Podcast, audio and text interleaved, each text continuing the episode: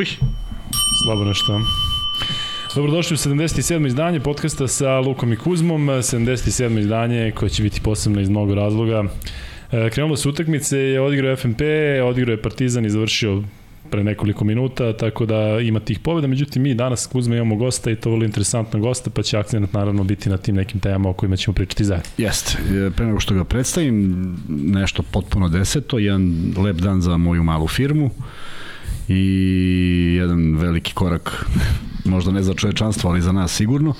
I da se zahvalim Tini, Draganu, Saši i Đoletu na jednom ozbiljno predanom radu da ovo što smo danas završili što smo danas uradili da je jedan ozbiljan korak i mnogo mi je drago što je prošlo, trajalo je od jutros do kasnih popodnevnih sati i vredelo je, tako da eto, na dobrom smo putu u tom smislu onda, znaš, mnogo ti drugačije. Niko nema pojma o čemu priča. Niko ne zna da, da ćemo mi sada na mesec, se, da na mesec da idemo. Da, recimo ova druga firma Luka i Kuzma, kako to ide? To, o, to ide ja. fenomenalno, to, to, Dobre. to jednostavno na onom grafikonu stoji da, da, kao raketa. Da, da uh, Kuzma drago mi je, naravno, mislim ja znam otprilike Čekaj, da ti objasnim o čemu se radi. Ne, pa meni si probao jednom pa nisam shvatio, tako da, ovaj... Dobro. Dobro, lepo. Um, ovako, imamo prvo par onih redovnih tehničkih stvari. Dakle, za Temerin za nedelju. Da. E, ja radim Srbiju proti Mali od 12.30, to je do 2.15 i onda od 4 imam Litvanca. Pa možda između 2 i 15 4 budemo u Temerinu. Jedino budemo 140.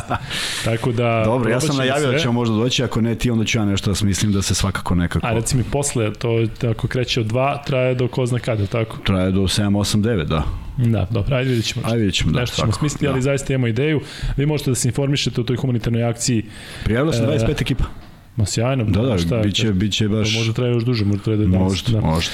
E, tako da, vi naravno možete da se informišete o čemu se radi i da pomognete Ogiju za koga se sve to i organizuje na, u našem opisu našeg e, svakog podcasta. Videli ste da smo počeli da stavljamo i one šorce, kako mi zovemo. Dakle, imamo polo, pulove, imamo šorce, šorceve, tako da to je super. Vanja se time bavi najviše, tako da sve to deluje dosta dobro. Vidim da ovde sada komentarišete mnogo to što je Partizan eh, ko je prenosio šta je prenosio na areni i šta je prešlo na arenu, šta nije. Euroliga je kod nas i dalje, svetsko prvenstvo i evropsko prvenstvo svako naredno je kod nas i to klot kod nas, vidite da ovo svetsko prvenstvo za košakašice imamo mi isključivo i ekskluzivno, dakle nema više deljenja sa RTS-om, tako da bit će dobre košike na sport klubu i narednih sezona. Ali eh, Kuzma da pređemo na gosta, Da. Ti ćeš ga najbolje predstaviti. E, ja ću ga predstaviti zato što smo nekada uspeli čak i da igramo zajedno tamo 90-ih.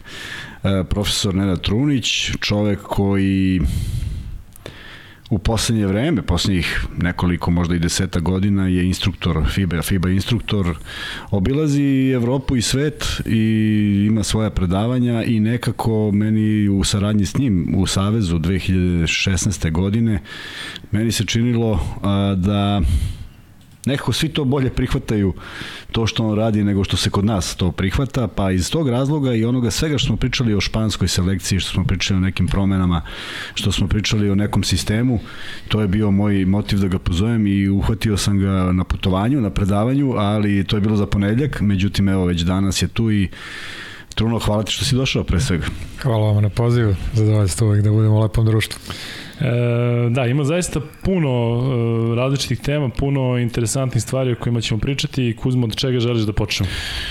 Neću o, o onom periodu kad smo igrali, ne zato što ovaj, nije bilo interesantno, igrali smo zajedno u OKK Beogradu i ja mislim da neću pogrešiti ako kažem da je Truna u svoje vreme, svoje vreme bio jedan od najspremnijih igrača, apsolutno apsolutno fizički, najspremniji, fizički najspremniji. Ja mislim da je on bio preteča onih ovih modernih gladijatora, šta je on sve mogao, a pritom neverovatan osjećaj, neverovatan šut i veliki izazov je bio igrati s njim one igrice na, na kraju treninga, šutirati, znači prosto niko nije mogao da ga pobedi. Ja mislim da, da redko ko u toj sezoni je mogao da šutira sa tim procentima i možda prvi čovek koji je e, van reprezentativne karijere počeo da, da, da, da ide u inostranstvo. Ajde, reci nam, mislim, ti se mnogo bolje sećaš, ja znam da su bili Bakir ili tako nešto u Italiji, ali je iz igračkih dana, pošto negde, negde su te projektovali za, za, za, za ajde da kažem, uslovno rečeno, karijeru koja je drugačija od, kako je, od one kakva je ispala.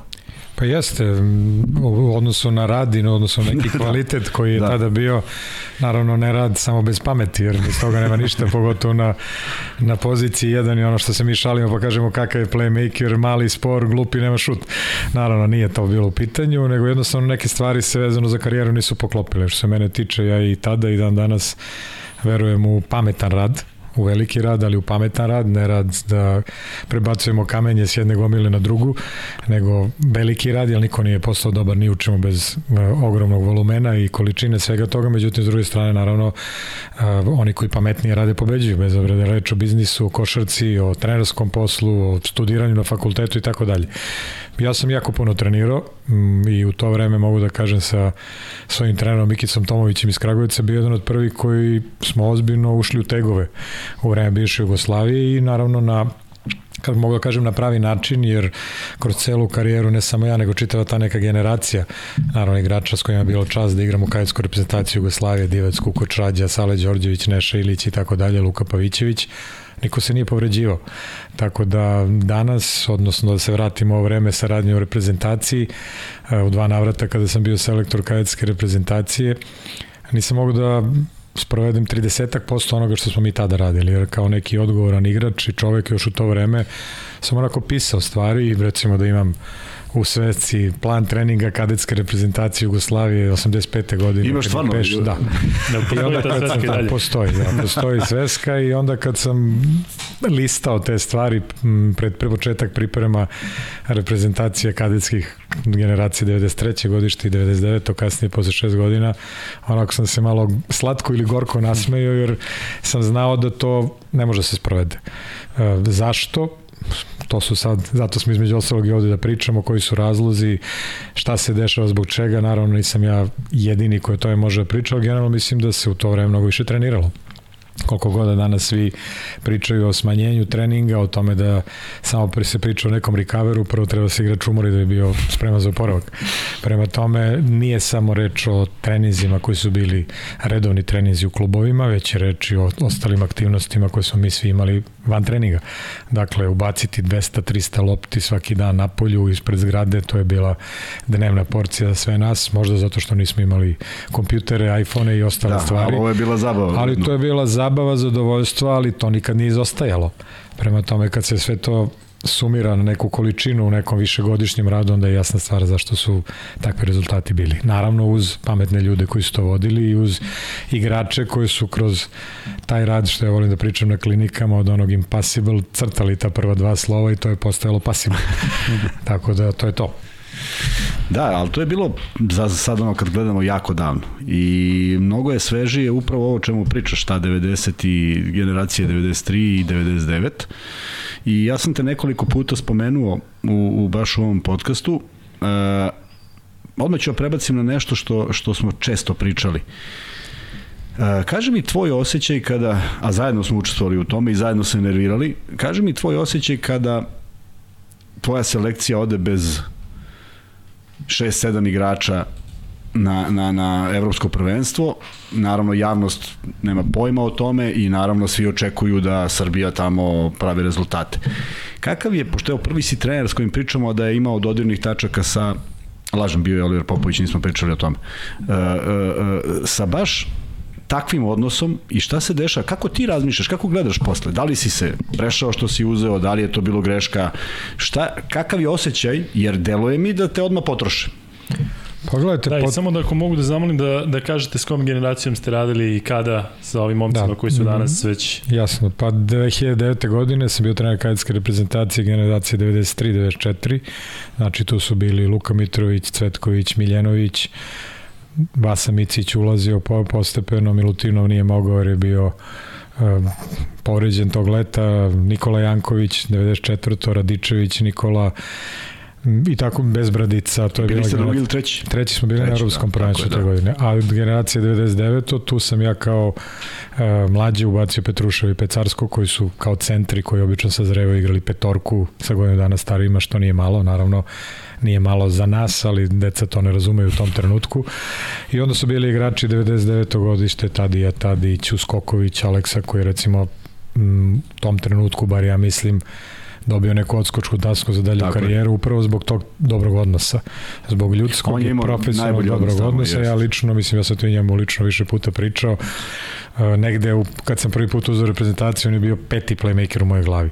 Međutim, kroz odnos prema treningu i kroz uh, ponašanje, kroz razumevanje igre, posvećenost, došao od toga da je na kraju bio igrač koji ima najviše minuta i neko ko je to dan danas igra košarku što je dokaz da ta stvar je bila dobro urađena. Bilo je tu i nekih drugih situacija, o tome smo i puno pričali, nekih stvari koje sam ja tada uveo u smislu um, većeg osvrta na testiranje igrača da bi mogli da znamo ko od njih od nekog dobrog jajeta može postane pevac.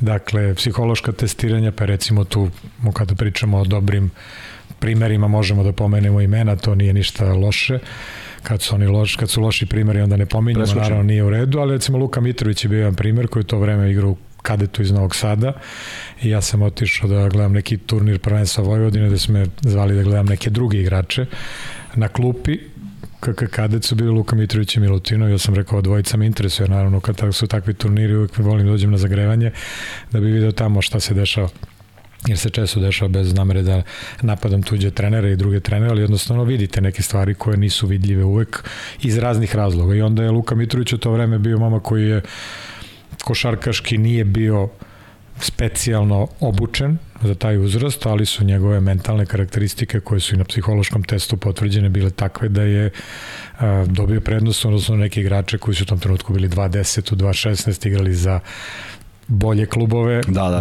klubove bolje se kotirali. Bolje se kotirali, u tom trenutku imali bolje neki rating, koliko god to bilo smešno praviti rating sa igračima u 16 godina, ali postoje priče svih klubova, ljudi, roditelja, agenata koji to malo dižu na neki nerealno visok nivo za taj uzrast i naravno to se obično pokaže kao loše. Dakle, Luka je tu prošao na svoje psihološke karakteristike i posle četiri godine bio kapiten Zvezde Euroligaškog tima, što znači da ja mogu mirno da spavam jer sam neke odluke donao na pravi način, a momak ili momci koji su ispali iz te reprezentacije su posle tri godine prekinuli da igraju košarku. Dakle, to nije sigurno zbog moje odluke, jer ja sam ubeđen da neko postaje ili prestaje da bude igrač svojom voljom i vođenjem svoje karijere, a ne nekom kolateralnom štetom sa strane kako god se ta šteta zvala. Kako izgledaju ti testovi o kojima pričate? Testovi izgledaju vrlo jednostavno. Znači, stručni ljudi rade testovi i daju informacije. Znači, to su bile informacije uh, tipa kako, da li su prvo emocionalno stabilne ličnosti, onda kad se to diže na više, postoji baterija testova, kao što se radi baterija testova za motoričke sposobnosti, fizičke karakteristike, postoje testovi ličnosti, testovi sposobnosti, testovi percepcije, testovi anksioznosti, koji pokazuju kako se igrači u nekim kriznim situacijama predviđa se kako oni mogu da se ponašaju. Tako da u današnje vreme je glupo ne koristiti ta znanja, jer ja stalno pričam i svojim studentima i na svim tim klinikama na koje idem, to što ja vama govorim i to što mi se učimo nije neka istina koju je neko tamo smislio i pogotovo ne ja, nego je to sinteza nekog znanja koja nama služi da bi smanjili verotnoću greške u odlučivanju jer greši Mourinho, greši Obradović, greši i Greg Popović, svi greše, ali verovatnoća greške se definitivno smanjuje ako imate više informacije s kojima operišete, odnosno čvršće su, stabilnije i sa manje grešaka odluke koje se baziraju na nekim činjenicama. Tako to su testovi koji su vrlo jednostavni gde vi vidite, pa onda u saradnji sa psihologom on ili ona vam kažu probajte to, probajte to. Ja sam recimo imao slučaj sa, da pomenem kolegnicu Marijanu Mladenović koji je izuzetan sportski psiholog u, u Srbiji, radila se velikim brojem čak i osvojača naših medalja, gde postoji test boja, pri kome se na dnevnom nivou vidi koji igra čak u dobrom raspoloženju za taj dan. I sada jednostavne stvari koje se rade u 5 minuta posle ručka, pre spavanja, pet igrača na pet kompjutera, kao što pošalju devojkama poruke ili vide šta se dešava na Instagramu, urade to i posle 5 minuta dobijemo informacije. Mi smo to testirali, jer uvek treba proveravati u praksi. Ja nisam neko ko uh, je onako profesorski pacov, ali nisam, jer, a nisam ni neko ko je samo trčao za loptom bez cilja. Dakle, pokušavam te dve stvari da spojim, da iskoristim dobro iskustvo iz 40 godina u košarci i da iskoristim neko akademsko znanje koje sam stekao i koje stičem svakog dana i onda se šta dešava recimo sa tim testovima dobijete informaciju da neki igrač danas u dobrom raspoloženju, odnosno da njegove performanse mogu da bude dobre. Ja se dogovorim sa kolegicom, kažem, ok, prijateljska utakmica sa da Nemcima da na Zlatibor, ajde da vidimo da li taj neki backup igrač, koji mene ni, ničim na treningu nije ubedio da će danas da igra dobro, da li je on zaista u dobrom raspoloženju. Odnosno, da li je neki e, starting five player koji je tu negde, ali danas je u lošem raspoloženju, u lošem udu, što bi rekli, tako ili nije. I verujte mi, u 99% slučaja te stvari rade, prema tome glupo bi bilo kad ih pogotovo proverite vi na ličnom iskustvu da ne koristite. Ali ih koristim? U Savezu ne. u klubovima ne znam. Da. Ali ja sam se trudio da ih koristim iz jednostavnog razloga što e, je na odgovornost, naravno svi gledamo seniorsku reprezentaciju i gledamo seniorske klubove, ali mnogo je veća odgovornost trenera mlađe kategorije, jer vi ako napravite grešku u proceni igrača, prvo to dete gubi vreme, jer ako neko nije dobar, a vi mu pričate da je dobar, bolje da bude um, dobar magistar, da bude inženjer, da bude doktor, da bude da radi bilo šta drugo, da bude pošten čovek i roditelj, nego da ga neko zamajava da može da igra dobru košarku. A s druge strane, zatvarate prostor nekim drugima koji bi možda mogli da budu bolji i koji bi mogli da ostvare neku značajnu karijeru, naravno u smislu benefita za sve nas, u smislu benefita za njihove klubove, u smislu benefita za reprezentaciju i za sve ostalo. Dakle, neka ideja i u razgovorima ranije kad je Sale Đorđević bio selektor reprezentacije, ranije Duda Ivković, pošto sam ja sa njih dvojicom u njihovim mandatima na mesu, ja sam im pričao da je glavna stvar da u 16 godina iščistimo kukolje iz žita, da praktično tu napravimo neki, neku selekciju, da suzimo levak na igrače koji imaju šansu da budu vrhunski.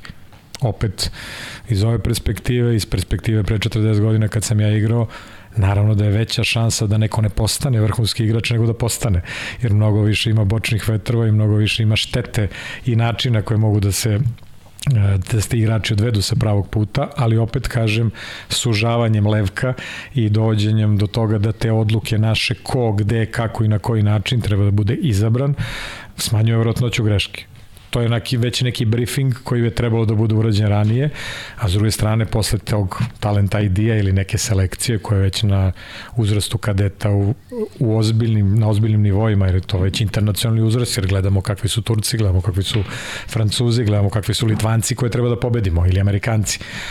Kasnije ide drugi program kojim se svi bave, pokušavaju da se bave, to je razvoj igrača.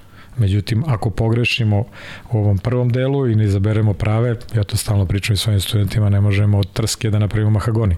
Prema tome, smanjujemo mogućnost da ta deca postanu, na kraju krajeva nije u redu ni pedagoški da, da, da, da, govorimo neke priče roditeljima, deci i da, da im pričamo da će to biti uspešno, pa onda odjednom kad se desi, je, izvinite, kolateralna šteta, duno je vetar, pao je pljusak, poplava, rat u Ukrajini, korona i tako dalje. To nisu izgovori, to su opravdanja, ja mislim bez obira ko i čime se bavi da pobednici uvek traže izazove, a gubitnici opravdanja. Tako da... Da.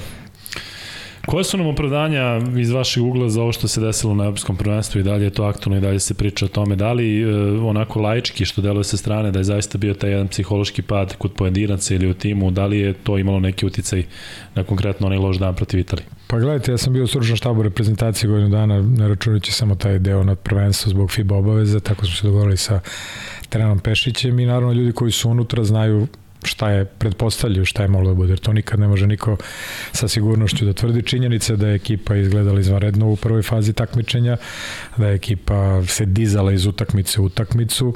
Ja lično sam se plašio jednog lošeg dana, ali sam se negde njega plašio, ne plašio, nego jednostavno onako preventivno razmišljao da posle svih tih ulaznih stvari u formi, poznajući da sportska forma ne može toliko dugo da se održava, jer turnir mnogo dugo traje, ja sam razmišljao o tome šta ako se desi ne, u četvrtfinalu neki duel sa Francuzima koji su do tada igrali jako loše i celo prvenstvo na kraju su došli do srebrne medalje jer su oni ekipa koja je fizički mogla da parira nama.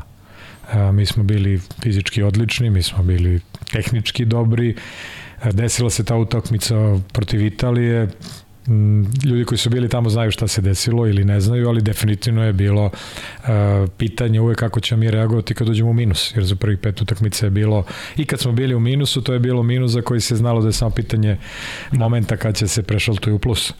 Mm, bilo je mm, mnogo stvari koje su bile dobre, Um, tu nema diskusije da je tako i po onome što smo i prikazali u prvoj fazi prvenstva, verovatno smo bili najveći favoriti, ne samo zbog rezultata, nego zbog načina igre. Ali, kažem, sportska forma je čudo Sportska forma je jedna nikad ispitana kategorija i niko ne može sa sigurnošću konzilijum najboljih trenera na svetu ne može da kaže da ćete vi biti u formi sutra ili preko sutra, ili možda je dovoljan jedan telefonski poziv da žena iznervira igrača, da padne kiša, da neko ne spava dobro. Ja se to zaista dešava? Pa naravno da se dešava. A e, igrači što su na višem nivou, oni su više osetljivi. Mm, imate puno slučajeva od NBA zvezda do sportova drugih, da vidite da su igrači sujeverni, da igračima zasmeta, ajmo pogledamo Nadala, šta se radi, kako se dešava. Znači neko ispadne iz neke, bez obzira da li su to zdrave ličnosti ili su obsesivno-kompulsivni tipovi, u svakom slučaju imaju neke rituale i oni koji uspevaju ta te rituale e, naprave tako da su smirujuće karaktera, kao Novak, recimo, jer koliko se puta desilo u Novak, u Novakovim da mečevima da bude 5-4 rebreak da napravi kao da ga neko isključi na drugi prekida. Znači, da. to je um, error compensation je najvažnija stvar za vrhunsko sportistu. Svi prave greške, naši igrači u tom trenutku nisu to realizovali kako treba, zašto, kako, znaju vjerojatno ljudi koji su uključeni ili oni razmišljaju, jer uh, sve je do tada izgledalo jako lepo od prvog dana priprema, od odazivanja igrača, ok, neki igrači su nam nedostajali, ali to naravno niko ne priča o tome da je to neki hendikep, nedostajali su i drugima,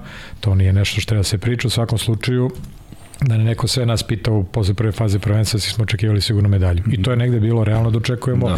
ne samo zbog toga što smo Srbija, nego zašto brazilski, nego zato što da. je način igre bio takav, ja sam bio u Pragu na nekoj klinici i pričao sam sa trenerima evroligaškim koji su sve rekli, ok, Srbija ne samo što pobeđuje, nego način igre je dominantan. Odbrambeno, napadački, atletski, raznovrsnost i tako dalje. Ali kad dođe neka situacija da, da, kritična, neki clutch time, nekih 5 minuta, onda naravno niko ne može to da vodi. Mi smo pričali o tome, baš u tom maniru i zato smo svi bili šokirani i sve ljude koje sam sreo iz košarke, zato što smo oni koji poznaju malo više znali da smo stvarno izgledali jako dobro. Jeste došao to tih 10 minuta, ali negde smo onda nastavili da pričamo da ipak neko mora da objasni do čega je došlo, nismo dobili objašnjenje, nećemo ni od tebe naravno da ga tražimo, ali sad si malo predotakao jednu temu, rekao si da Savez nema, a da li imaju privatno igrači, da li imaš neko saznanje da neko ima svog nekog eto, spomenuo si Novaka, ima gurua ili ima nekog savjetnika ili nešto. Da li ima neko od ovih naših profesionalaca neku osobu da, da, da pomogne u tom. Pogledajte, guru ne, ali jedan tim ljudi koji radi iza, koji su stručni svako u svojoj oblasti, trebalo bi da postoji. Ja ali da li ima, mislim, nema što Ja znam. mislim koliko znam da ovaj deo što se tiče fizioterapije, što se tiče kondicione pripreme, postoje igrači koji imaju određene ljude kojima veruju da li su ti ljudi ti ili je njima samo neko napravio dobru reklamu da, pa su da, takvi, da, to je drugi deo priče, ali e, njihove u svakom slučaju i to je bolje nego da nema nikog. Prema tome ja uvek pričam, pošto tamo predajem na fakultetu i trenažu tehnologiju, da je svaki plan bolji od toga da nemate da nema plan. plan. Jer ako imate plan, bar i ako ne valja taj plan, znate da ćete pocepati taj papir i korigovati plan. Ako nemate ništa, onda onako lutate kao u vreme kad smo mi igrali, pa neki trener i ono izgubite utakmicu, to je kažnjavanje kamikazama, pobedite utakmicu igrate futbol. I to kad trener trener uradi tako, to je odmah dokaz da on nema plan šta raditi sledeće nedelje. Jer ako šta to ide, naravno, vi možete da igrate fantastičnu utakmicu i da izgubite. Mislim da imate tako top performansi da neko da trojku ili jednostavno da onaj drugi bolji, bolji dan ima od vas. Da, znači nije uvek, pogotovo u košarci, nije sve merivo, merljivo na taj način. Ali m, definitivno postoje igrači, postoje ljudi kod nas koji to rade, mada moram da kažem da je moje lično iskustvo, jer eto i preko leta radim sa individualno sa nekim igračima, kao što je Kuzma pomenuo, mnogo mi se više igrača javlja čak i naših i strani koji igraju u inostranstvu nego naših. Ne mislim na mene na sebe lično, niti sebi pravim neku reklamu, nego jednostavno vidite da ljudi imaju pažnju, da kad taj igrač dođe, mu kažemo ok, ajmo da vidimo gde smo, šta smo, daj da zovemo neko ko zna bolje od mene kondiciju, daj da zovemo neko ko bolje od mene zna uh, psihologiju. I onda pokušavam u tih par meseci, ovog leta nisam mogao naravno zbog obaveza prema reprezentaciji, da da to te igrače negde zaokružim i onda je bila situacija sa jednim našim košarkašem koji igra posle Evrokupu u Italiji, onda kad smo završili dva i po meseca fantastičnog rada pre nekoliko sezona, i kad je on otišao u Italiju da igra i on kao, coach, šta sada da radim? Kao sad samo nađe lepu italijanku, smeji se, raduje se otprilike, uradili smo sve što je u našim mogućnostima, da. može bolje uvek, u svakom trenutku, ali onako ja lično sam bio zadovoljan, se trudim da to gledam sa više strana i da kažem, ok, dobar si odbornik, dobar si u napadu, dobar si fizički, dobar ti je lis, dobar ti je gluteus, dobar ti je brzina, dobar ti je snaga, dobar si u glavi, jer si podnao sve te treninge na pravi načine, sad je to naravno jedan deo pripreme, jer košarka nije tenis i onda sve to treba uklopiti u tim, u trenera, u očekivanja kluba, u zadovoljstvo, pa eto i to što kažemo između ostalog i te neke dnevne variacije e, raspoloženja, jer to sve čini neki, stvara neki peak performance koji je najteže dostići u sportu. To što kažeš da je kod nas recimo e, manje igrače koji se obraćaju za pomoć, to i dalje kod nas tabu tema. Ja sećam u Americi kada sam bio na koleđu i kada sam napravio nešto što je za njih bilo e, onako prilično neprijatno, oni su me odmah poslali kod psihologa i to se tamo podrazumevalo da je normalno da se sa nekim konsultujem. Ja sam to odbio zato što sam odrastao ovde tokom 90-ih gde je to za nas odmah se podrazumeva da si lud. Da li i dalje postoji taj otpor e, kod nas prema razgovoru sa bilo kim i prema bilo kakvoj vrsti te, ajde da kažem, duševne terapije? Pa ja mislim da postoji, ali upravo zbog toga što Znači, psihologija je za zdrave, psihijatrija za one koji nisu baš zdravi. Prema tome, sportska psihologija i možemo da bildujemo mišiće koliko hoćemo, možemo da naučimo tehniku, taktiku, ali evo kad dođe ta kritična kritični trenuci neke utakmice, definitivno rešava glava.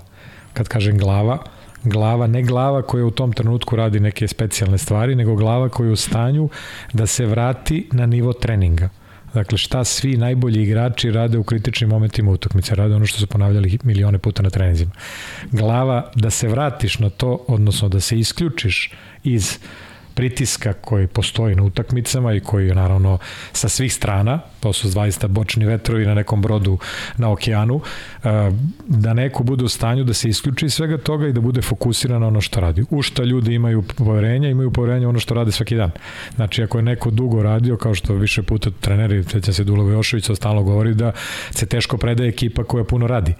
I to je normalna stvar. Znači, samopouzdanje, kao jedna od bitnih komponenti, ne jedina, ali jedna od bitnih komponenti psihološke pripreme sportista, svih, od bolta pa do košarkaša, je nešto što se stvara kroz trening. Dakle, vi ako ponavljate neke stvari i ako verovat ćete u te stvari i vratit ćete se tim stvarima u momentima kad kola krenu nizbrdo a ne tražiti neka rešenja luda. Evo sad Koja nikad pogled, nisi radio. Naravno, ja sad, mislim, pričamo svi o tome uh, što kaže Šešir dole za pobednike, Španci su prvaci Evrope i vi sad kad pogledate šuteve Rudija Fernandeza, koji je zaista antipatičan lik ovako svima. Ja sam čak i u razgovoru nekim sa Pablom Laso koji je predavač tim klinikama i pitao sam ga kakvi su ti ljudi, interesuje me, znači da naučim da vidim koji su to igrači, šta kako se ponašaju. Čudan tip, da budemo fini. I, I onda kad pogledate, ja sam vraćao da bi eto između ostalog ne ovde, jer nisam se za ovo pripremao na način na koji se pripremam za neke druge klinike, ali po završetku prvenstva, spremajući za neki seminar, pogledao sam njegove trojke koje je pogodio sada na prvenstvu. To su trojke koje on postiže ceo život. Znači, on je uradio ništa nije posebno. Stebek u levu stranu, catch and shot, finta prodora, jump step desni, šut iz mesta. Znači, to su stvari koje neko radi uvek. Nije izmislio šut. Naravno, je... Dražen Petrović kroz noge iza leđa, Bodiroga, njegova finta, to su bile stvari koje svi pamtimo, to je taj signature move igrača, ali zašto to je signature? Zato što se ga ponavljao. I to je taj deo priče što se tiče igrača. Naravno, To su sad treneri koji treba to da spakuju, da dovedu igrača u tu situaciju, da on bude na terenu sa loptom, na tom delu terena gde voli da igra. Da li je to Dražen Petrović rani na desnoj po 45, da li je Sale Đorđević na centralnoj poziciji, to su sad stvari nas. Naše, da li igrač izlazi iz pick and rolla ako je levoruk sa desne na levu stranu i s leve na desnu, da igra jačom rukom, da napada, to su stvari koje su onako uže trenerski, ali moram da kažem da ima dosta trenera i na ozbiljnom nivou koje vidim da o tome ne ode računa. Postoji razlika recimo u godinama, zato što kaže da si radio i sa Dudom i sa uh, Saletom i sa Svetislavom Pešićima. To je ipak neka individualna stvar kako se neko uh, postavi preka, prema toj pripremi igrača ili ima neke veze i sa generacijama? Pa ima veze sa generacijama, naravno da su, da su Kari i Duda bliži generacijski, da su neke pripreme njihove uh, od one forme priprema tipa šest treninga pa dan slobodno i tako dalje, drugačije nego neki drugih igrača. Sad e, Sala ima svoje stvari, svaki trener ima svoje priče. Međutim, ono što je karakteristično za trenere je neka njihova vizija da te velike trenere. Sad oni nalaze različite načine da te vizije, do tih vizija dođu. Nekad uspeju, nekad ne uspeju, naravno top treneri. Evo sad smo imali reprezentacije, naravno ne možemo da kažem da je uspeh da smo ispali osmini finala, naravno da nije.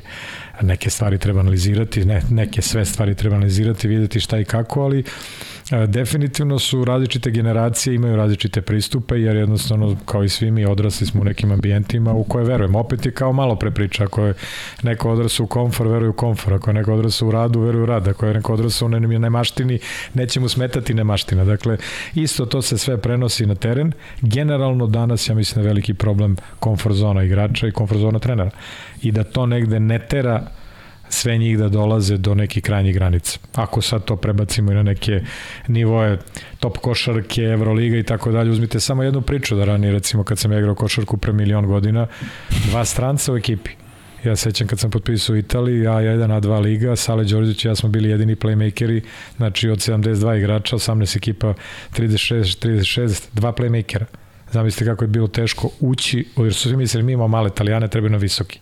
Turci su mislili trebamo imamo neke male naše, trebaju Treba više, da. onih što dižu 200 kg bench press da igraju. Znači, Tako dan danas misle Filipinci, mada oni, da, oni bravo, da, ali dobri su, oni, oni jako puno vole košarku ja, i oni su jedna hiper košarkaška da. nacija, ja sam tamo yes. bio na nekim seminarima, to isto neki model koji može da se prenese ovde. Oni imaju četiri kanala televizijske yes. koji pričaju košarci, oni imaju ligu do 100, ispod 190 tako, i tako da, i tako da. Tako da postoje filozofije i postoje različiti način da se dođe, postoje vizije, Naravno, nisu, nije jedna vizija recept za Coca-Cola pa da zarađujemo ceo život i da budemo svetski prvaci. Upravo je zato košarka i lab sport što, što pobeđuju i neki koji nisu dobro kotirani. Kaži mi, izvini, e, kaži mi samo jednu stvar, pošto smo i ovde dosta potencijali. Spomenuo si tvoje pred, mil, pre milion godina i mi uvek pričamo o takvom maniru da je bilo pre koliko hoćeš.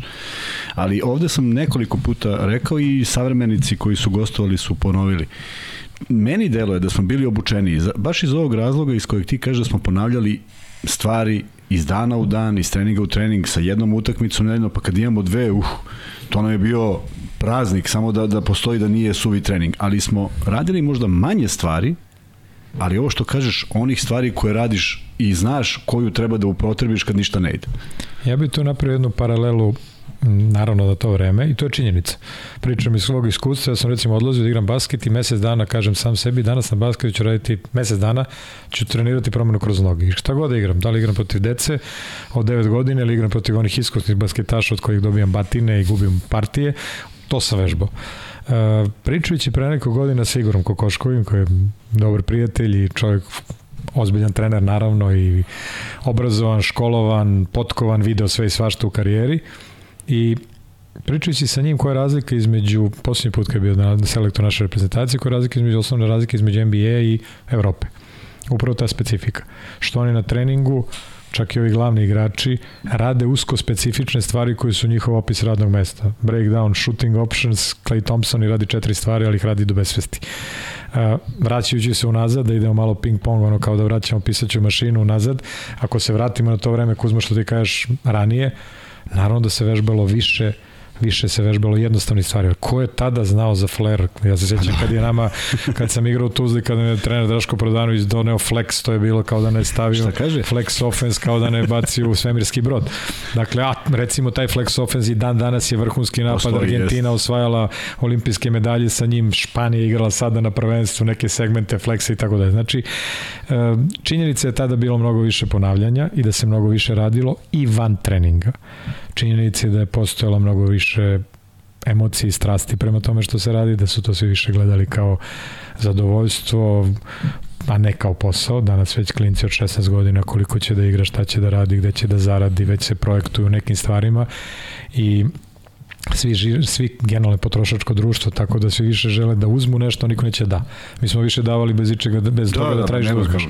A s druge strane, da se vratimo da povežemo sa ono pričom malo prevezano za selekciju, Koja je selekcija bila tada ranije? Selekcija po kvalitetu. Najbolji si na gorem košu, igraš, ideš na bolji koš. Najbolji si na boljem košu, ideš u, u selo. Iz sela ideš u manji grad, iz manjeg grada u veći grad, iz većeg grada, ako te Bog pogleda, ideš na međunarodnu scenu.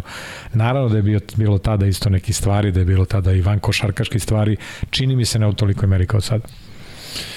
Hoćeš ti dalje? Ne, ne, reci šta ste. E, pričao je ovde Vladimir Štimac kada je bio, koliko mu je žao što nije bio u ovoj selekciji i da je možda on prepoznao recimo to o čemu si ti pričao da je u grupi, sada na Europskom prvenstvu, e, onako sve išlo glatko, da nijednom nije bilo te neke minus faze pa da ekipa mora da odreaguje. Mene to podsjetilo na 2019. na svetskom prvenstvu u Kini gde smo zaista bili dominantni u svim onim mečima dok nije došla Španija, pa posle nije bilo poravka e, protiv Argentine. Koliko je zaista potrebno da se ekipa osvesti u tom nekom trenutku posle kojeg ima popravnog? Zato što je Štimac govori, ja sam se nadao da će možda jednu da izgubimo, pa kako je on rekao, citiram, da dobijemo šamar, da bi e, posle mogli da, da odreagujemo bolje.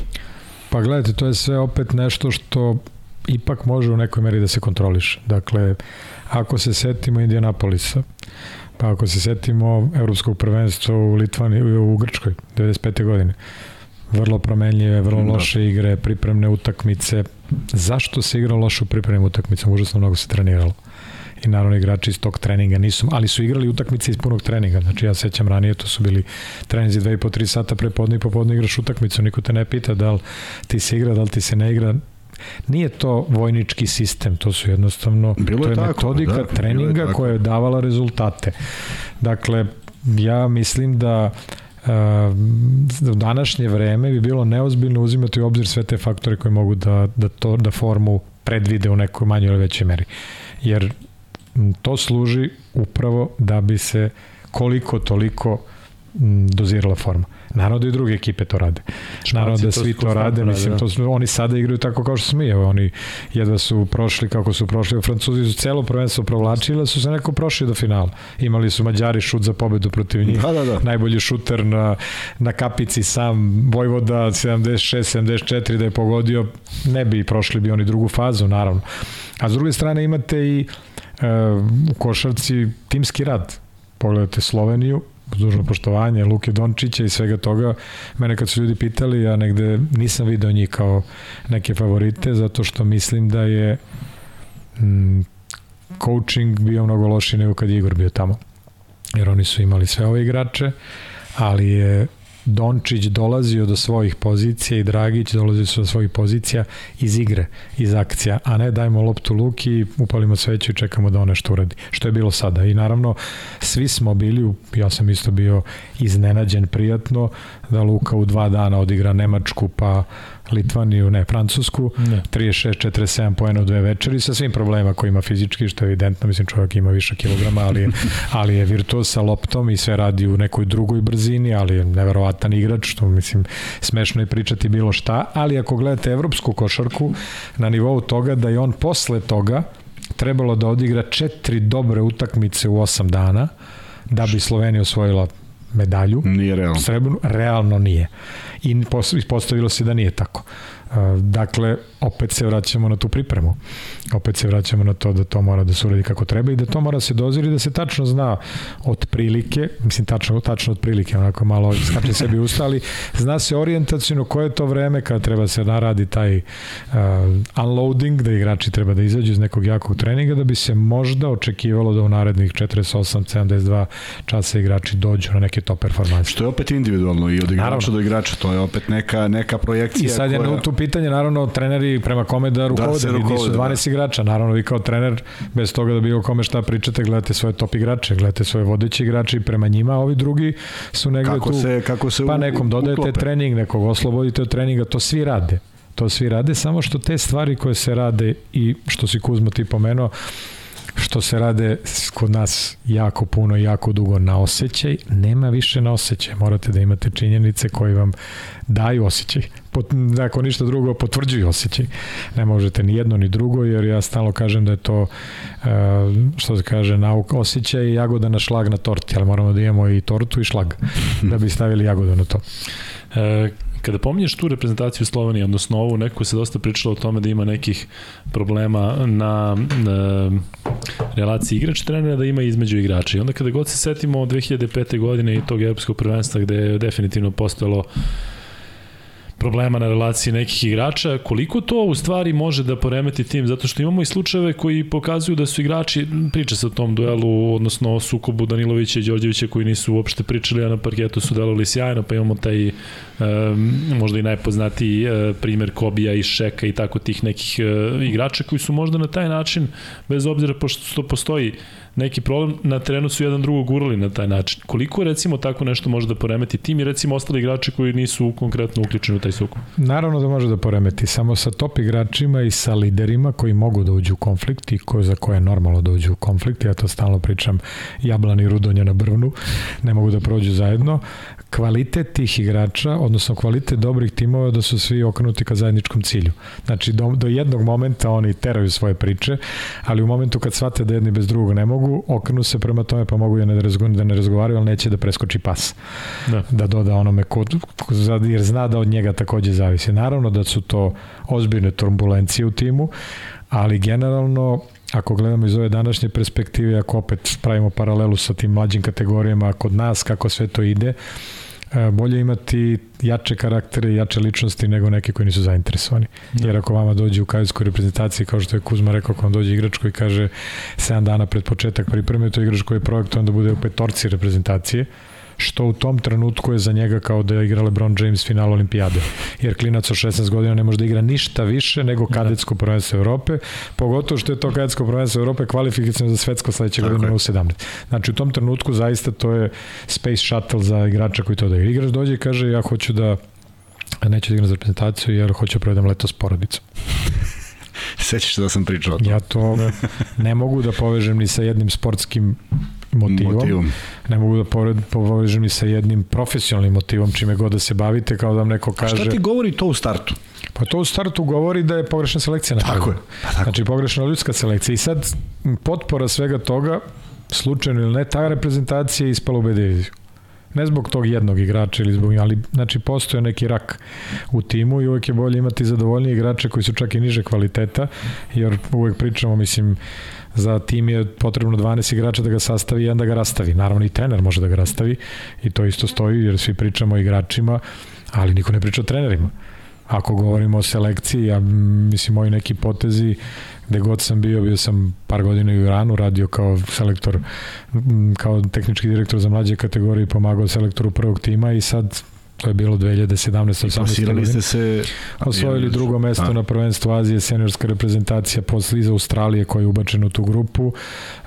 Prvi put se plasirali na svetsko prvenstvo u 17 godina i ono što je najvažnije od svega, to je sad onako sveža informacija, nisam čak ni stigao s tom kuzom da priča o tome, a to je da evo kad je bio junski FIBA window, um, imam tamo prijatelje, naravno dobri su ljudi, ti iranci, pošteni ljudi, vrlo slični nama, obrazovani, fini.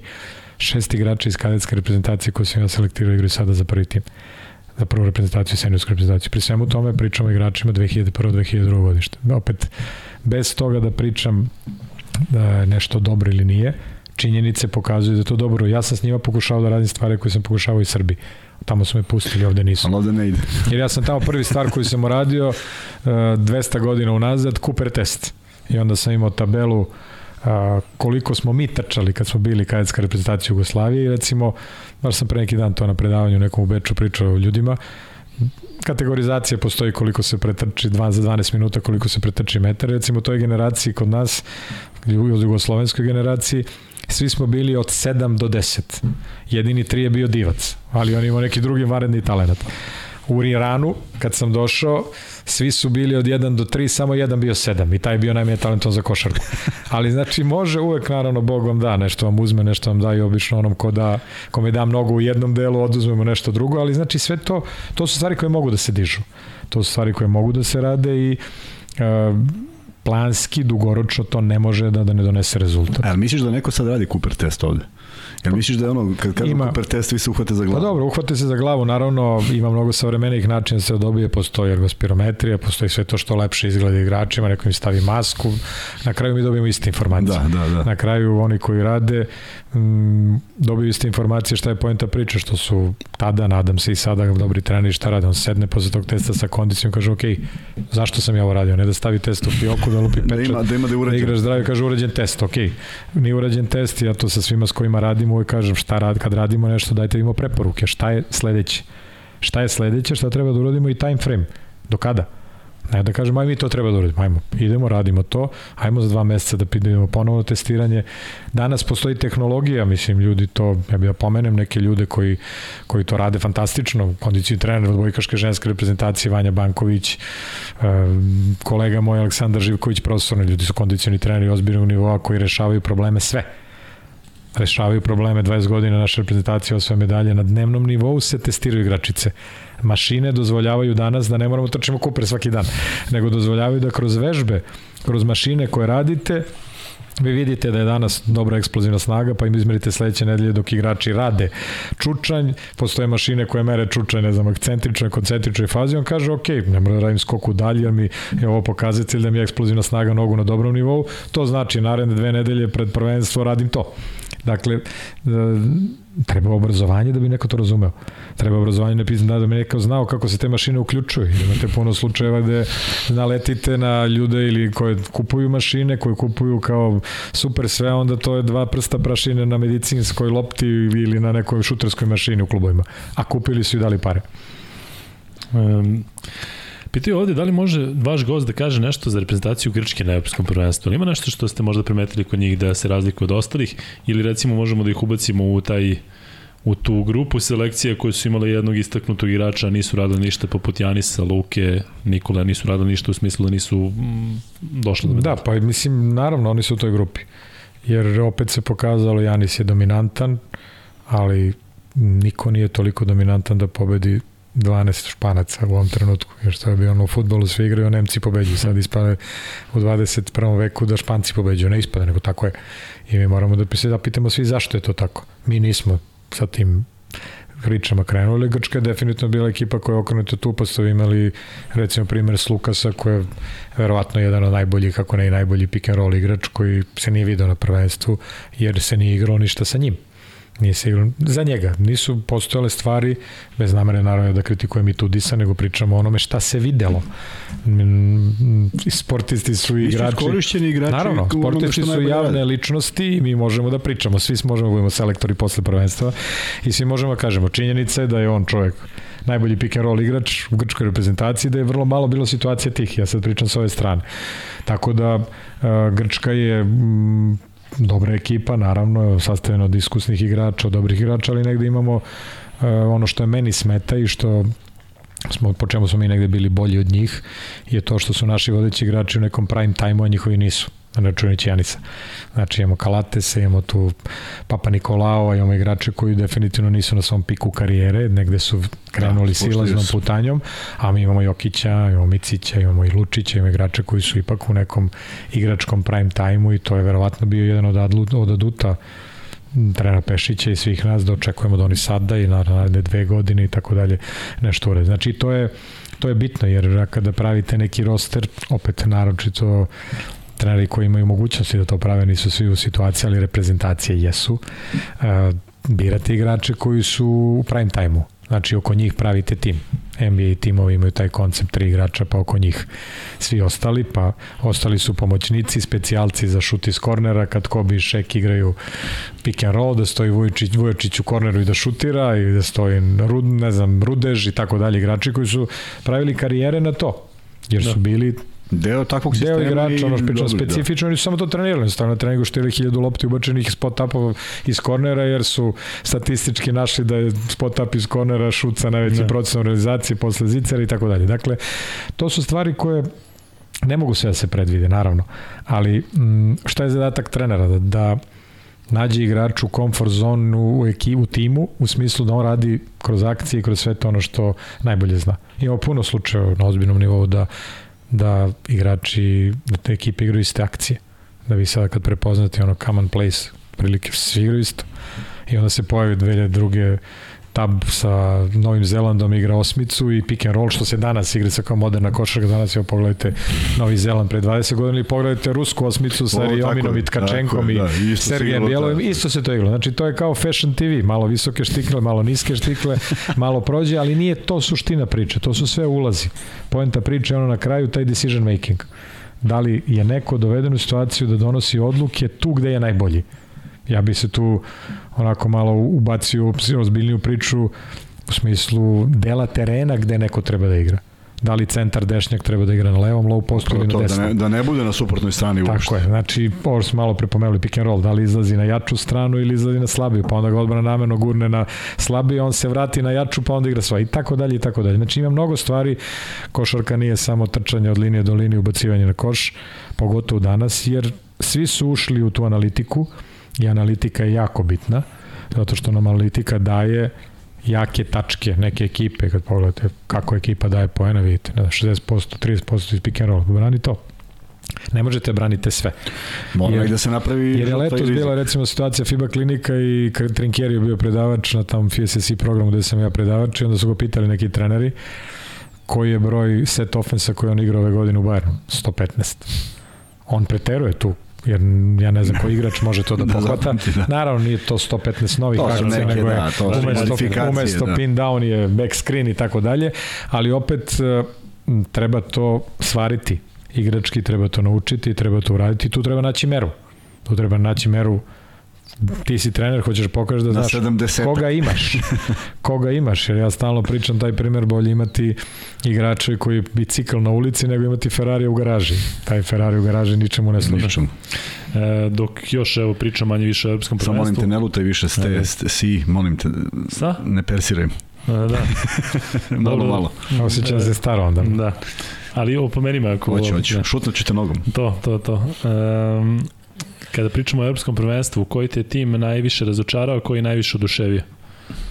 Da li ima, mogu da se naprave tako recimo? Pa dobro, ja nisam neki euforičan tip mnogo, svi su imali neke faze i to je vidljivo da su imali neke faze. Mm, kako pričamo o jednoj utakmici, mm, možda Poljska protiv Slovenije, Ponitka koga znamo još iz tih nekih generacija, ga znamo od ranije smo igrali protiv njega, on je odigrao tu utakmicu i naravno braća euforični italijani odmah ga potpisuju posle te utakmice, dakle, kažu da. pa on je Euroliga što oni se potpisuju pre nedelje, ako ste mislili da je toliko dobro. A bili smo na odmoru možda. Da, bili smo na odmoru, nisu znali. E, Poljska je tu utakmicu odigrala onako malo iznad svojih iznad svojih mogućnosti. Definitivno ti 20 minuta iznad yes, svega što iznad su odigrali. svega što su odigrali. S druge strane, što se tiče ekipe koja je razočarala, pa ima ih dosta. Mm, ima ih dosta kad kažem razočaran, nije lako da nas predviditi to i mislim, ne mogu da kažem sada gurnem prstu u oči nekoj ekipi, nisu ostvarili rezultate koje su očekivali Litvanci, nisu ostvarili, mi nismo ostvarili rezultate Čak su krenuli jako loše, oni su se Tako baš vadili. Ja sam mislio da će Litvanci pobede Španiju i bili I, su mi, jako da. blizu. Turska recimo nije ništa igrala, ali kad pogledate oni nisu neki tim. U smislu da nisu top tim odnosno na druge ekipe, po meni ekipe koje su bile najbolje na prvenstvu pored nas, u smislu rostera i svega toga što je moglo da se predvidi. Pred toga su bili naravno Francuzi i bez obira na to Španci, jer Španci imaju ono što niko nema, imaju kontinuitet. To su igrači koji su igrali godinama zajedno i koji su koji igraju najjače lige i ono što je najvažnije, opet to nastavljamo priču dalje, je što većina tih igrača i vode, igra vodeće uloge u svim timovima. Dakle. Mi smo imali na, u poslednjem prozoru, rosteru našem, na pred, m, kvalifikacijni prozor za kvalifikacije za svetsko prvenstvo, ja sam malo tu čačko i gledao naše igrače, niko nije imao prosek veći od 8 poena u svom klubu. Govoriš Letonija, Belgija, tako? Govorim Letonija, Belgija, Juni. Da. Znači, Naravno, igrači su se super ponašali, dali su sve od sebe, ali ne može nikad neko da se ko je backup pa, igrač da ga da, pritisnete jednom... na dugme i da on ode u reprezentaciju, kako god da je to, da li je to Letonija, da li je to Belgija, da li je to Slovačka, I... ipak su to neka druga očekivanja. E, nije, nisu druga očekivanja u smislu broja navijača, nažalost, jer reprezentaciju ne gledaju navijači koji gledaju klubove, koji ne prate Zvezdu i Partizan, jer to su klubovi koji imaju podršku, neverovatnu reprezentacija nažalost ne, ali opet postoji, ja mislim, neki više nivo odgovornosti kad igra za reprezentaciju nego kad igra za klub. Jer u klubu, evo da pogledamo, Zvezda Partizan, koliko naših igrača su vodeći igrači. I to je problem koji se posle u reprezentaciji vraća.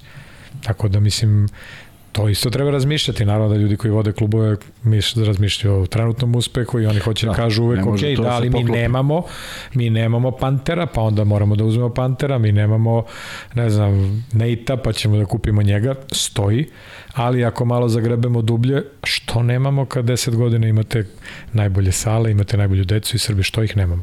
Neki problem mora da ima koji, koji je stvorio bolest, nije to nastalo samo od sebe, ništa dobro i ništa loše, ja čak volim da kažem da a, loše stvari m, loše stvari mogu da se desi kad radite dobro ali dobre stvari ne mogu se desiti ako ne radite dobro. Jel tako, iako dugo ne radite to? Ne. Negde se zaslužuje, valjda. Moram da kažem da je Kuzma u tom periodu baš pričao o tome da niko od tih igrača nije lider u svom timu i da da bi igrali, e, moraju da igraju. teško, mora, da, da igraju, da ima minute, mora da, ti koji dođu da budu da. u reprezentaciji u tim momentima. Ja razumem razlog zašto su oni tamo, jer je teško sklopiti tim, ali ljudi imaju očekivanja i onda se oni jadni još više opterete. opterete time što se očekuje, a ne igra u svom klubu neku bitnu ulogu kako sada odigra bilo šta. Nije to tako lako i ljudi to ne shvataju. A naročito danas, e, niko se ne bavi tim. Niko se ne bavi da li ovaj vodeći, ne vodeći, da li ulazi, on on došao za reprezentaciju i on ga posmatra kao reprezentativca. I ovaj kad promaši, kreće na Twitteru odma ko ovog dovede i ostalo. Pogledajte top igrača NBA. Koliko igra Boban Marjanović? Ništa da. Koliko igra Bijelica? Pa da vrhunski igrači, top igrači NBA, a da ne pričamo i mlađima koji nikad nisu omirisali barut. I, i, i da se vratimo nazad, kad su bile naše trofejne generacije, Pa svi su svojim klubovima bili vodeći igrači. I samo je bilo pitanje ko će te večeri da bude raspoložen da 25. Tako je. Mogli su da daju Bodirovi, i Danilović, i Đorđević, i Rebrača. Svi su mogli da daju, svi su davali svake nedelje. Znači, tu je sad bilo ono pitanje raspoloženja dnevnog i naravno umeća trenera da prepozna. Ali svi su se oni lakše osjećali kad su pored sebe imali kao neki deo nekog igrača koji možda pokrijemo. To je, evo, primer sad, Micić i Larkin. Znači, njih dvojica krpe jedan drugog krpe u smislu kad jedan ne, drugi da. da. da Čak i na utakmicama se da. dešava da oni naravno osete sami ko je u dobrom raspoloženju da je gura loptu njemu. Evo pričao i to i Larkin na Final Fouru, vidio sam da je Vasa u dobrom mudu, daj njemu loptu, da. idem na njega. Naravno, igrači treba budu pametni. A sad to su ti lideri koji kaže ja ću da dam Kobiju ako ga ne volim, zato što znam da ću osvojim titulu sa njim. da. Iako si Shaquille O'Neal. E, ali ja da se vratim, nisam, nisam mi odgovorio, u stvari e, da ja pojasnim. 99. godište, to je 2016. Nismo se plasirali na svetsko prvenstvo. 15. ili 16. 15. 15. 15. 15. Da, 15. Nismo se plasirali na svetsko prvenstvo, što je naravno karakterisano kao neuspeh i u stvari ti gubiš poziciju u Savezu baš zbog toga. Bez obzira s kojom si ti ekipom išao, jer to nikog, apsolutno nikog nije zanimalo, sve ove stvari koje sam, ko ti koje ja sad pričam, pričao sam i ranije, naravno nikad nisam spomenuo ko je u pitanju, ali i mene, mi smo, ja sam tražio, ako se sećaš da mi napišu, da mi napismeno daju da, da, da. ostaje sa porodicom i on je dečko stvarno ostao. Kakav ti je osjećaj kad ti se vratio? Znači, prvo, otišao si iz Saveza, drugo, napravljen je neuspeh koji u tom trenutku možda i uspeh sa onim, sa onim momcima koji su otišli. I sad ti ne možeš nikako to da dokažeš. A u stvari sav, sve neke oči su uprte u tebi. Pogledajte Savez i to što kaže mi svi pričaju o tom Savezu i svi mi valjda treba sebi dajemo najveći pritisak da pravimo. Mm, o, mirno spavaš kad misliš da si uradio veći deo onoga što je bilo u tvojim mogućnostima. U tom trenutku postoji naravno začarenje jer negde znaš da su se neke druge stvari, da su drugi ispratili taj program da bi to bilo sigurno afirmativno za nas, jer mi kad smo tamo u reprezentaciji niko neće se obogati ili neće nešto drugo radio, osim što ima želju da predstavljaš svoju zemlju na najbolji mogući način. Bar sam ja to tako shvatao uvek. I trudio sam da dam sve što je u mojim mogućnostima, međutim naravno nije mi bilo prijatno jer znam da to nije krunisano na način na koji treba da kruniš. A s druge strane, Uh, svi igrači koji su igrali su posle te, te tih priprema odradili dobre sezone.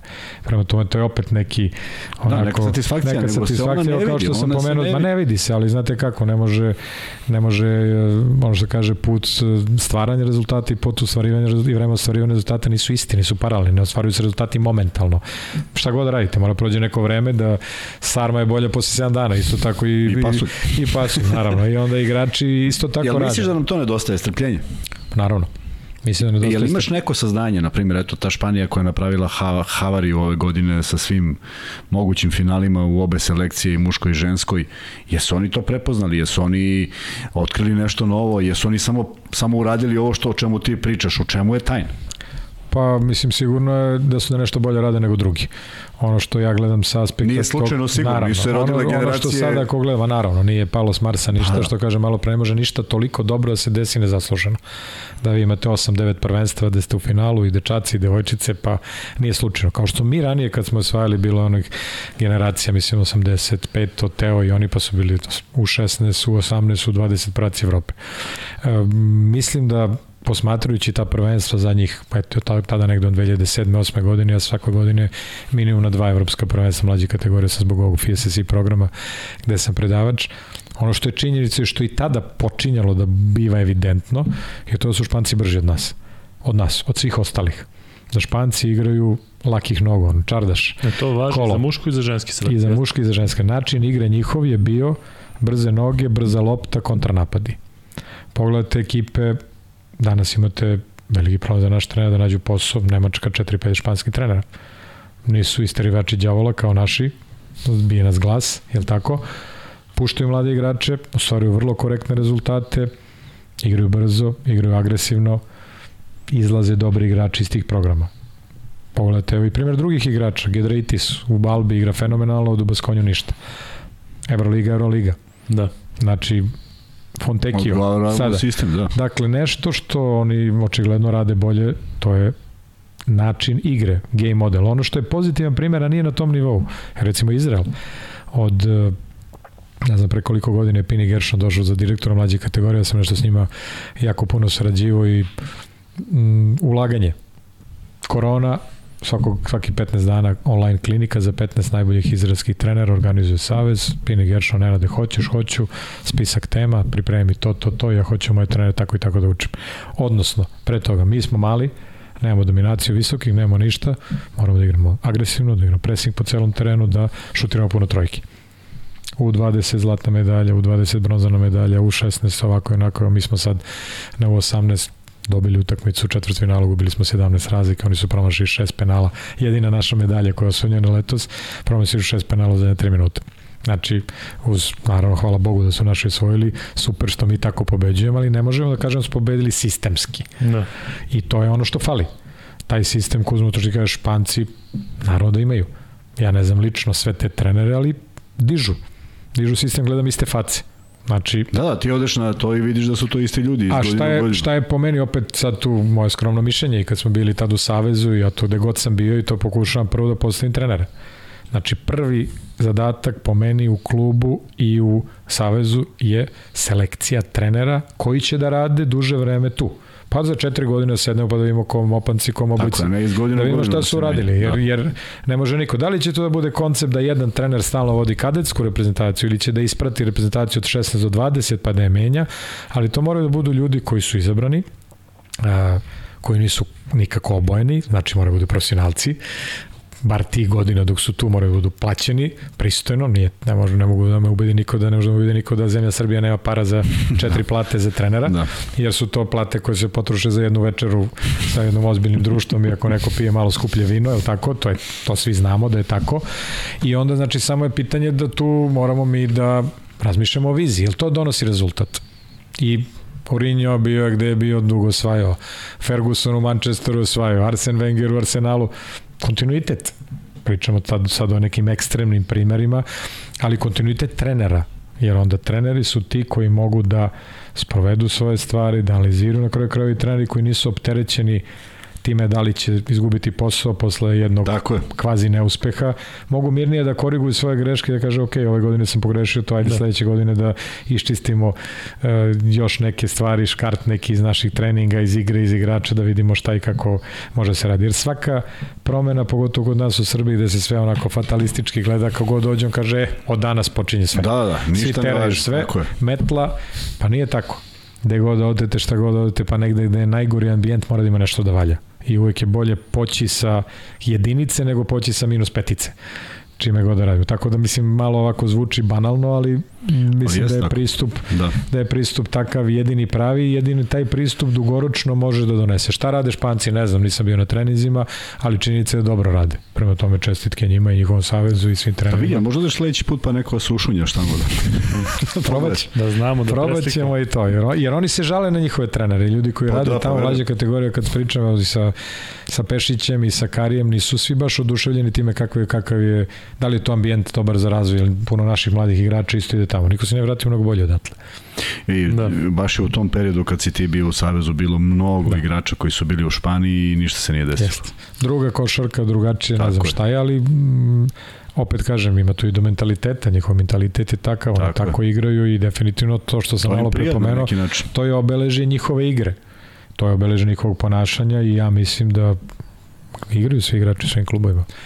E, jutros u prenosu vidim e, kanadžanke vodite Viktor Lapenja i pitam se kako u Kanadi ženskom reprezentativnom timu je jedan španac a s obzirom da mi se podrazumeva da ipak imaju, mogu da poizvuku neko Amerikanci ili neko Francuza, pa će bolje da se sporazumeva i ono funkcioniše jako dobro reprezentacija i učito su nas pobedili, ali nebitno. E, Španac trener. Španac da, Španci su modi, kao što su naši treneri u jednom trenutku da. vodili 6-7 timova Euroligi, da, danas su Španci ti, zašto? Zato što Španija pobeđuje. Tako je, bukvalno zato. 21. Da. vek Španija pobeđuje i ajmo da u svako ko daje Mora pare, da nešto valja. bolje da uzme čisto krvno konja nego da uzima nešto što nije sigurno. Mislim, da. E, ima dosta pitanja, imam ja dosta pitanja, pa ću gledati, možda ćemo malo da preskačemo sa teme na temu, ali sada kada si pomenuo, pomenuo to strpljenje, da li smo recimo tog Igora Kokoškova brzo potrošili? Da li je to recimo neki pritisak javnosti, pritisak na savez, da posle je recimo jednog neuspeha eh, jedan takav trener za koga i sam kažeš i da je školovan i da ima iza sebe i uspeha naravno gde god je radio, manje više. Eh, da li je trebalo možda izdržati duže sa njim? Pa to znaju ljudi koji su se dogovarali sa njim i pre, ako ko znam da je on imao neki dugogodišnji ugovor. Uh, s druge strane, malo ljudi zna da E, za razliku od letos kada su ipak odrađene pripreme da pred onaj kvalifikacijni turnir Igor i ne jednom treningu nije imao u tom trenutku tri najbolje igrača, znači Vasa, Bjelica i Teo, ni jedan trening nisu radili sa ekipom zajedno pred ili je neko bio povređen. Pred Italiju, pred, pred, pred kvalifikacijnu. Priča je Milo, ja mislim to. Priča je da, znači, pričali smo mi. Da, da, da. mislim, znaju treneri koji su bili meni Igor, to rekao bez toga prijateljski ovako, pa sad je već, što kaže, prošlo mnogo reke Dunavom i Savom, pa može da se priča. Mi smo prvi počeli da pričamo o tome zato što niko nikada ništa nije rekao, a onda smo imali Miloja u gostima koji je to potvrdio, evo sad ti si treći koji to Definitivno kaže. je Igor trener koji zna posao, definitivno je Igor trener koji ima pedigre, definitivno je Igor neko ko je više obrazovan u Americi košarkaški, ali sa našim temeljima, što je, je on stalno... Apsolutno ne može da bude bolja kombinacija nego to kao što su najlepša deca, deca Meleza, tako su i treneri najbolji koji prođu, probaju video, zadrže se tamo, mislim, znaju gde su, dakle su, ali uzmu nešto najbolje odatle. Pametni ljudi to rade, znači neko kad bi sad napravio kombinaciju srpskog i španskog trenera, to je bilo, bilo super, jel tako? Da. Kao što je bilo Jugoslavija ranije, pa je bilo malo od ovoga, malo da. makedonsko devojče, malo ovaj, malo onaj i onda se zajedno to ispadne dobro, jel tako? Ali mislim da je Igor bio neko ko nije zaslužio takav tretman. Kod koga, zašto, kako, ne znam. Ne znam, ali definitivno dati nekom da vodi tako kratko reprezentaciju u prozorima gde su treneri bili po dva dana i razići se ko je uzrokovao razlaz, da li on, da li neko drugi, ja, ja to ne, ne znam. Kao što nema nikakve Ja to ne znam, ikada. ali opet uh, nisam siguran da bi ni jedan trener na planeti, uključujući Igora, uh, uz podršku ostavio reprezentaciju Srbije. Teško. Da. Jer podog bodu što je posle toga uvek idu ciklusi, uvek je to izazovno, ide evropsko, ide svetsko, ide olimpijada, tako, znači to su ciklusi koje ako neko se već prihvati od tog da. posla, jer uh, mi to naravno ne treba da radimo i nadam se da nećemo, kao i za strance igrače, nećemo uzimamo strance trenere, imamo kod nas ljudi koji znaju posao, ali bilo ko da to uzme ne bi otišao tek tako. Znači, koji razlog, ne znam, znaju Igor i da, je već sa njim pričao, pričao, ali ako posmatramo sa distance ove, ako malo se udaljimo, pa se kada stavimo durbi na to vreme, definitivno mislim da nije bila ni ideja, ne znam šta se desilo, umeđu vremenu, ali sigurno nije bila ni ideja da on ostane kvalifikacijni turnir i olimpijadu i da, onda da, ide, da.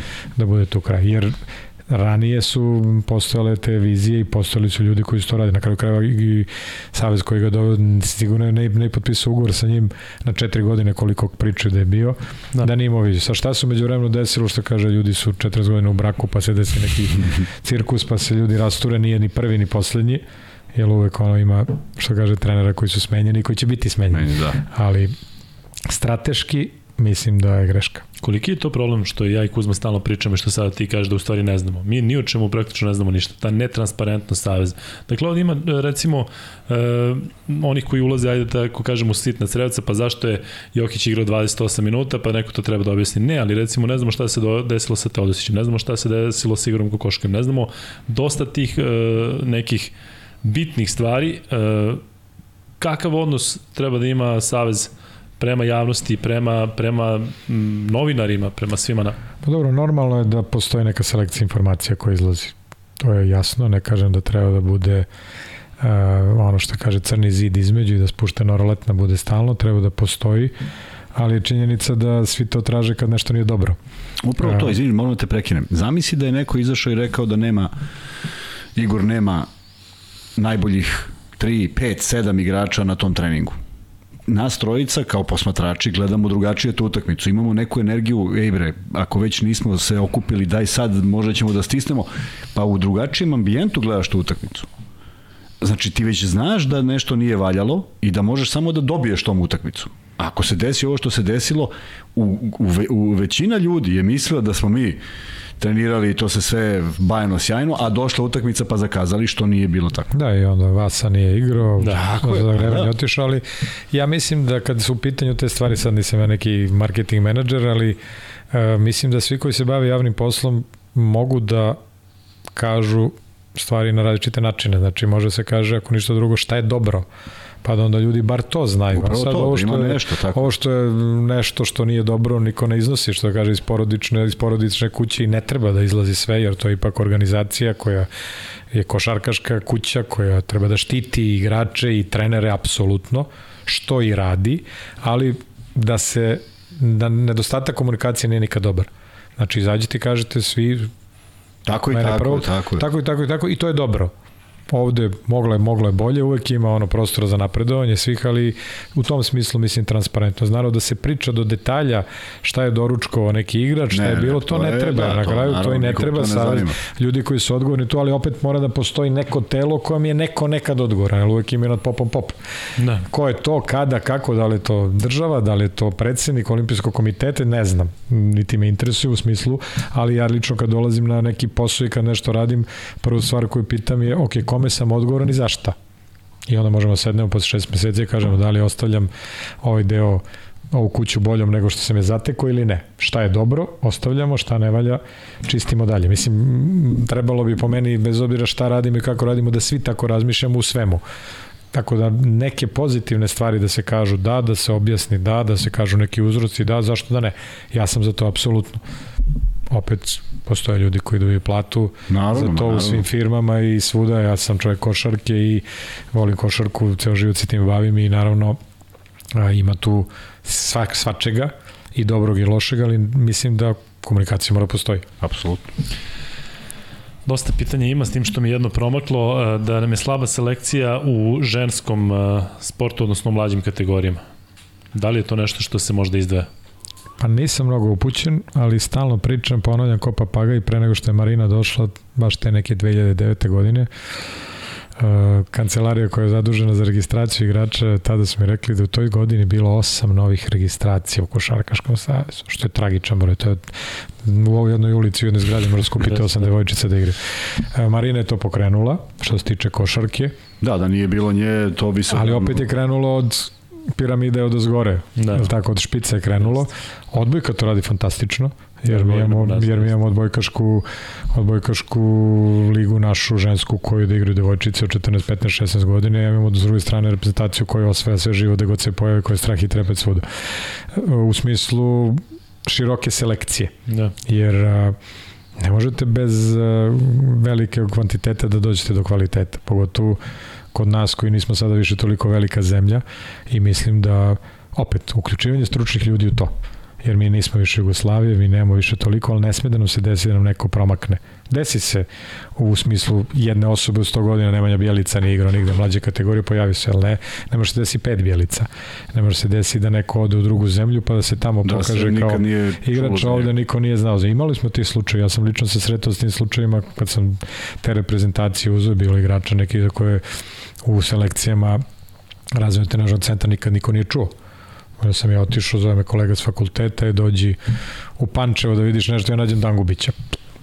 Ili neki Nemanja, i Nemanja Krstić koji je igrao za reprezentaciju kod Ude u Sloveniji, recimo koji je bio dečko onako super talentovan i super interesantan, telo fenomenalno, sve nije bio ni u jednom, ni u jednom da. programu. Nije, da. Čudili su se svi. Da, niko nije znao. Pa niko nije znao da pojavio se beli medved otprilike u pustinji, ali, ali nije, to može da se desi, ali m, opet struka opet su, ko to radi u savezima, da li se deca u regionima kad dolaze na treninge šalju dalje. Moja neka ideja bila za, ne samo za savez, nego ja bi to radio sam u nekom klubu, da imate neke regionalne centre ili regionalne trenere koje verujete i da kad dođete na prvi kontrolni trening reprezentacije kadetske, recimo, ili pre toga ovaj razvojni trenažni centar, da istestirate decu odmah.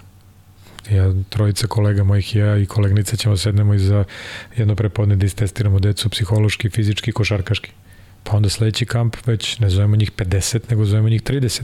Jer sve te masivne stvari um, da ne bude ja to kritikujem, to je napravljen veliki pomak između ostalog i nekom mojom inicijativom ranije za taj razvoj trenažni centar koji je bio u Požarevicu. Mi znamo da ako pozovemo 75 najboljih klinaca u jednom godištu, mi znamo da taj 35. neće biti reprezentativac. I onda taj koji će možda biti 13. 14. 15. gubi vreme na treningu, mu se šutne 100 puta, on šutne 12 puta zato što ima 50 igrača na treningu. Dakle, ima tu mnogo stvari kojima može da se uđe u kvalitet. Znači, da se suzi levak. Jednostavno, kad se, kad se biraju, ali opet kažem, prvo treneri, prvo stručni treneri koji su kompetentni da vuku poteze. Da li smatrate da mi u državi imamo problem sa osnovnoškolskim sportom kao bazom, u smislu da na tom uzrastu pokušamo decu da usmerimo na tačno određeni sport bez stvaranja osnova? Naravno. Mađarska svaki dan časove fizičkog ima. Orban je vidio da su debela deca na ulici i svaki dan fizičko rad. Akademije nacionalne, ja sarađujem sa jednom akademijom, radim tamo 7 dana mesečno u Pečuju, Rad Geber Akademija Mađarska, četiri akademije košarkaške država finansira, plaća, imaju to isto u futbolu, vaterpolu i u rukometu. 5 dana fizičkog, osnove sporta naravno. Naravno. Motorika i najosnovnije. I koji su to zadaci, koji su, kad pogledate na YouTube-u, trening je futbalera Ajaxa klinaca u školi Ajaxa koji izbacio najviše igrača, oni rade sve isto. Ja to znalo govorim studentima u najmlađim kategorijama mi iste stvari razvijamo, samo što je geografija različita, neko na bazenu, neko na stadionu, neko na košarkaškom terenu, neko na futbalskom, ali stvari su iste. I taj nedostatak koji je naravno sad usloven mobilnim telefonima, nedostatkom hipokinezijom dece, dovodi do toga da nam deca dođu u 14 godina opet da pričam neke svoje primere koji su pa i smešni, moram da kažem. Da je bilo igrača, top igrača koji pretenduju da budu igrači MVP mm, kadetskog prvenstva ne skače vijaču. Vijaču, ja sećam kad sam čerku odveo na balet, četiri godine završio, zaučili su Vijaču za 15 minuta da već sve skaču.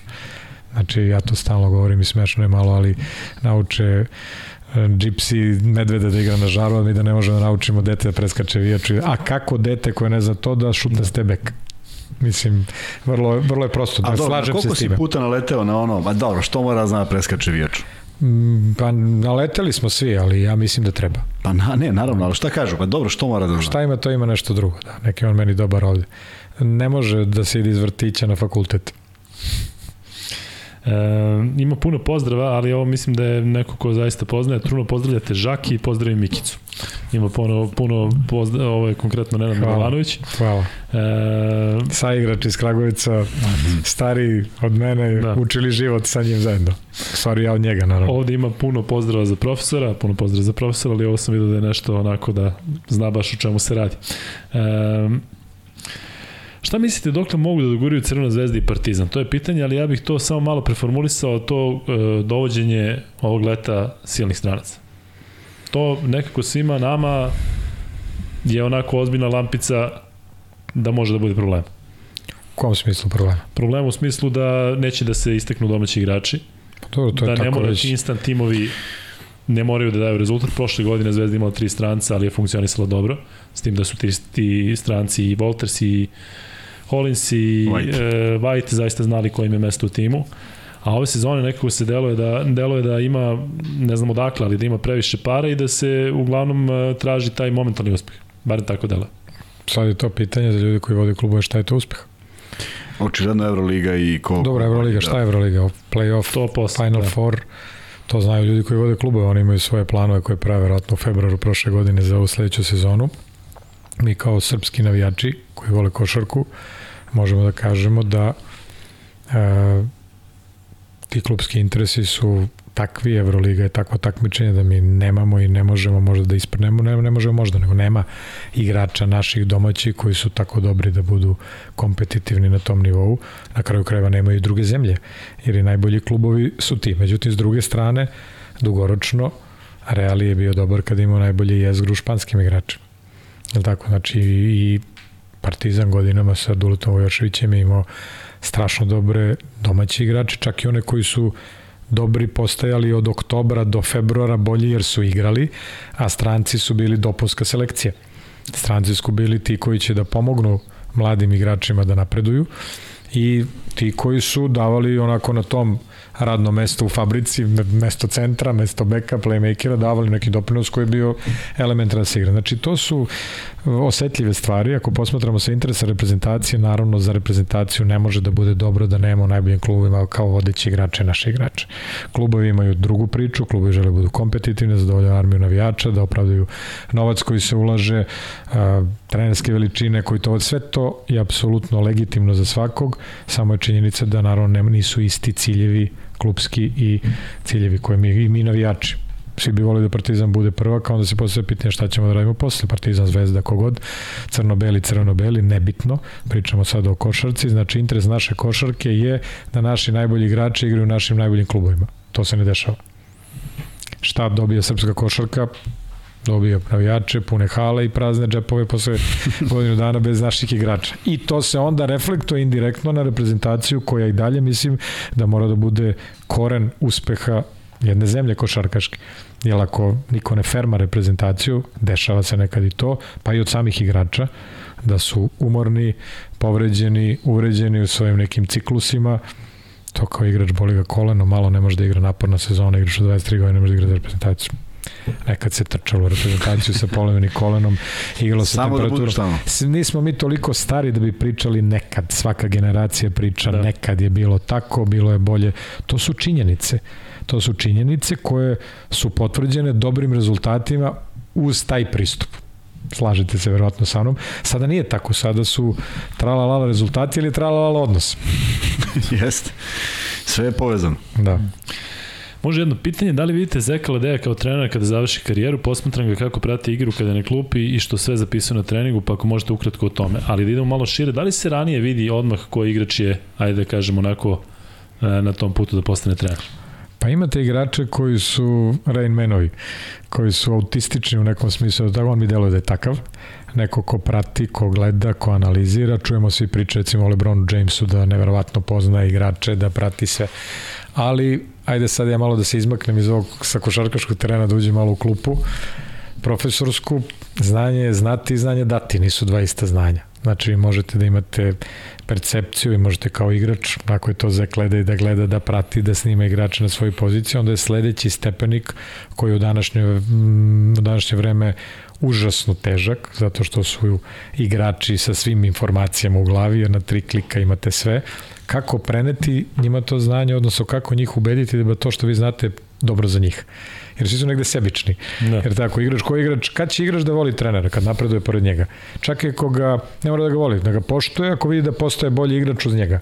Iako mu je teško, on će to da radi. Imali smo hiljadu puta te slučaje. Znači, da li Zek želi da bude trener, da li hoće da, da bude trener. Da. Naravno da mora da bude analitičan svako, jer svi treneri vide e, košarku, ne vide očima publike, nego vide publika vidi posledice, a treneri traže uzroke. Valjda bi tako trebalo. I menjaju te uzroke u željenom pravcu.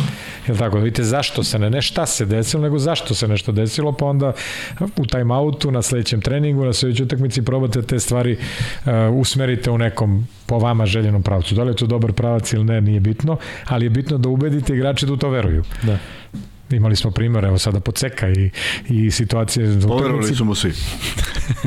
on može da kaže da je to tako bilo izljubio se sa svima, od Danilovića do svojih igrača, poverovao, volim vas, kače, a Jani su u hodniku, on je takav tip, ja ga znam jer je on bio meni backup igrač kad sam igrao u Italiji, u Livornu tamo 93. četvrte godine. Ne može da prođe jedna stvar, kao što je jedna vrsta motivacije, ne prolazi stalno, što igračima svako večer pričate isto priču da ih motivite se ništa. Znači to je jedna zaista široka lepeza, a ta široka lepeza opet zavisi od obrazovanja. Naravno i od šmeka i od komunikacije, kako pa na kraju kao i od razumevanja generacije. Ne možete vi da ne znate šta tamo peva neki Justin Bieber, da razumete decu koja njega slušaju svaki dan. Mislim, trebalo bi tako priča, je vrlo kompleksna, ali zato i lepa.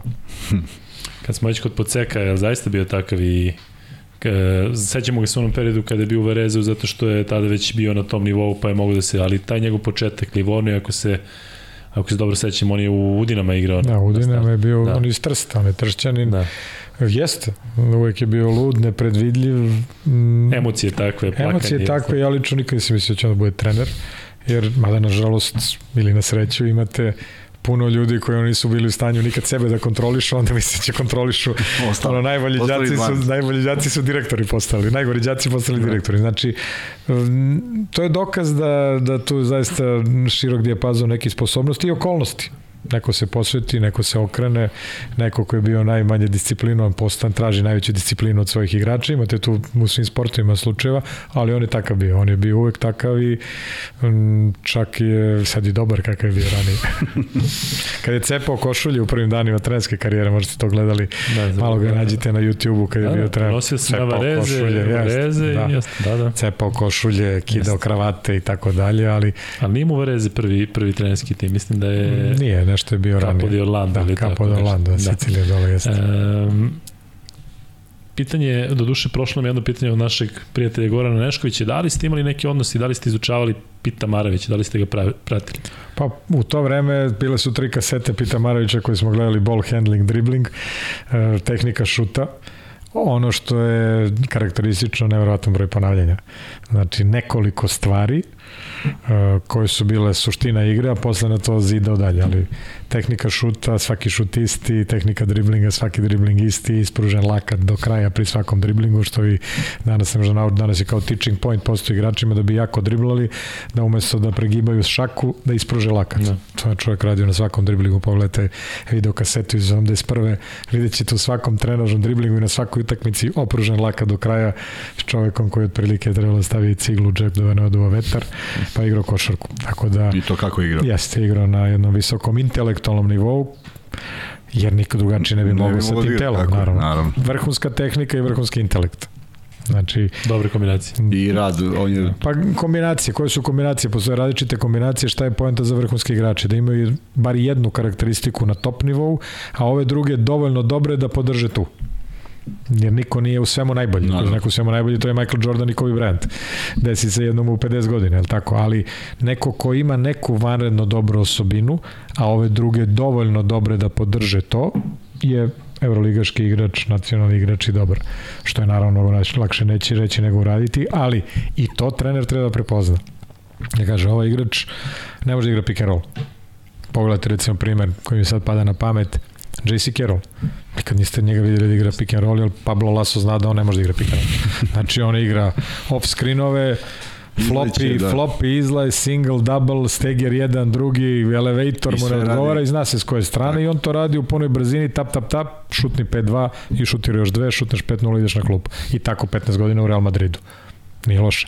Je tako? uopšte loše. Mislim, nije loše. Ili Kyle, Kyle Kuric sad Kad u Barceloni. Kad dalje. JC Carroll. Znači, to je sad trener treba da prepozna, da vidi koji su to, koji su to kvaliteti i da se uh, jedan deo sportske nauke, vrlo bitan, je profilisanje igrača to NBA scouti znaju i svi to rade, sa kojim igračem biste mogli da uporedite to neko dete koji je možda zlatna koka da li je slični Westbrooku, da li je slični Steve Nashu ili tako dalje. I onda u odnosu na to profil zidate i pravite ono, sklažete kockice u pazlu, kroz trening naravno.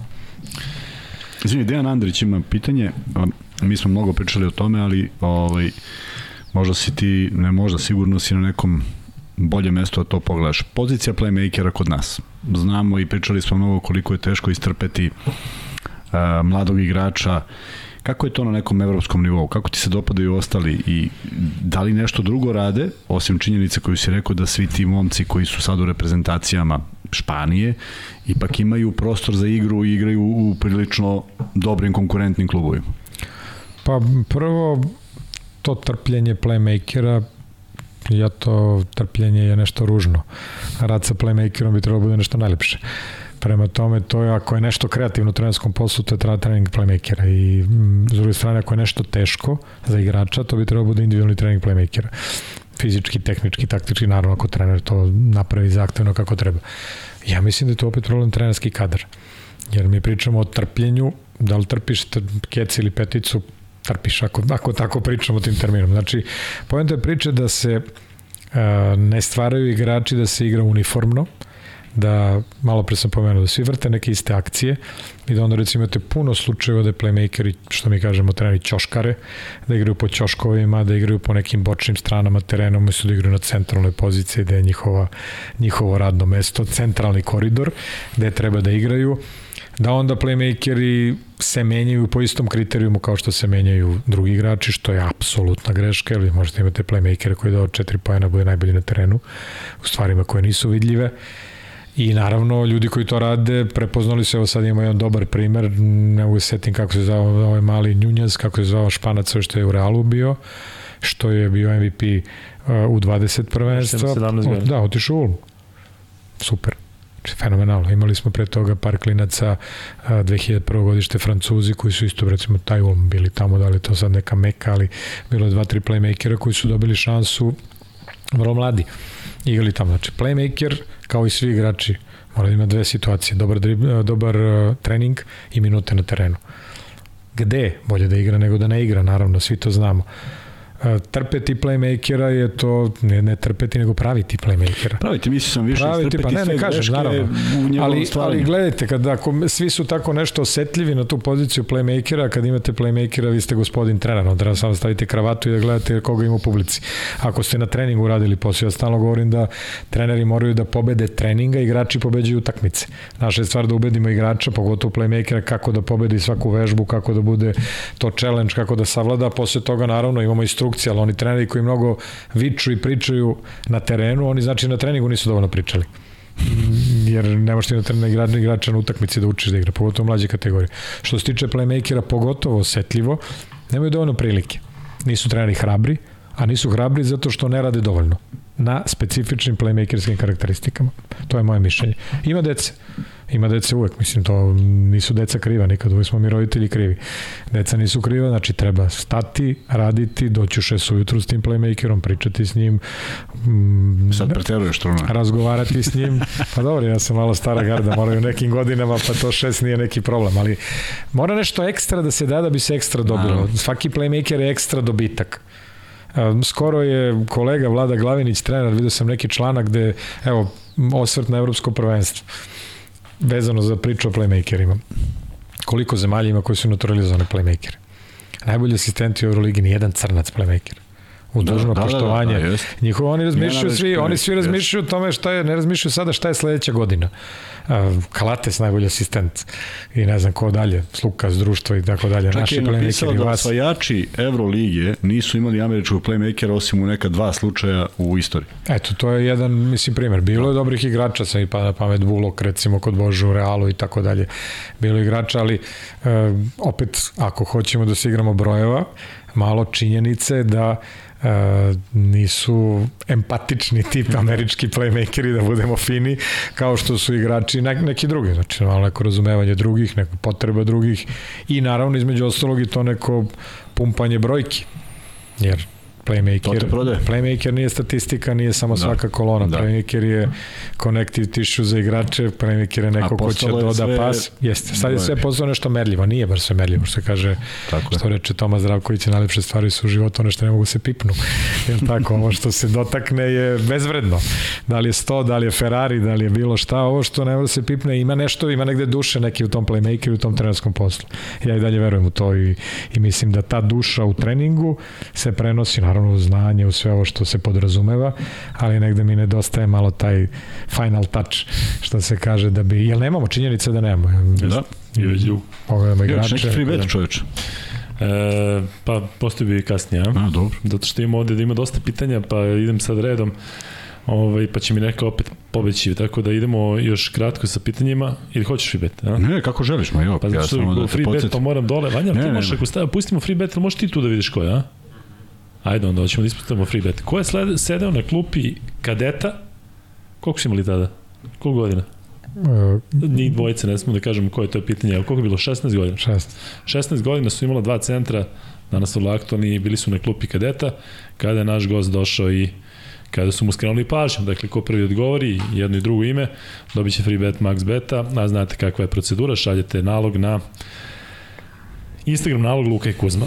Da se vratimo pitanjima, da li, još kratko o Europskom prvenstvu, da li ima konkretno neki igrač ili trener koji vas je pozitivno iznenadio na prvenstvu? Pa poljski selektor Popović. Miličić, Miličić, Miličić Igor da, Igor, on je dobro odradio posao, neočekivano, mislim, ne možemo kažemo da stice okolnosti, Tako. nego jednostavno došli su do neke situacije da je ekipa koja ima, ok, samo jednog igrača koji igra poljsko prvenstvo, ako se ne varam, u nekom prenosu je neko pomenuo od, od vaših kolega, Španija naravno, mislim tu nema šta da se priča. Skariolo je odradio vrhunski posao, Skariolo je delio domaće zadatke drugim trenerima sa promenama odbrane, Skariolo je menjao utakmicu protiv Litvanije sa svojim odlukama, Skariolo je menjao tok utakmice finala kada su Francuzi prilazili, da li je to box and one, da li je 3-2 zona, da li je 1-2-2 zona, da li je Rudi u pravom trenutku, da pobednici pišu istoriju, ali činjenica je da je čovjek uko dobre poteze. I činjenica da se nisu snašli ni u jednom tom. Nijednu nisu prepoznali na prvu, kad su postavljali prvu već je bila već je Gledajte, to postoji sad i neka postala je tabu tema da se te neke stvari smišljaju u neku toplu vodu, ne vidite mnogo na top nivou nekih udvajanja. Ne, ne, ne ništa. Mnogo stvari, onda pojavi se neka ekipa tamo Ludwigsburg, neki pre nekoliko nešto... godina, igraju jedne godine full court press sa udvajanjem i dođu do finala nemačkog prvenstva koje je ozbiljno prvenstvo gde je Bayern kao evroligaški tim zadnje dve godine ne osvaja. Recimo.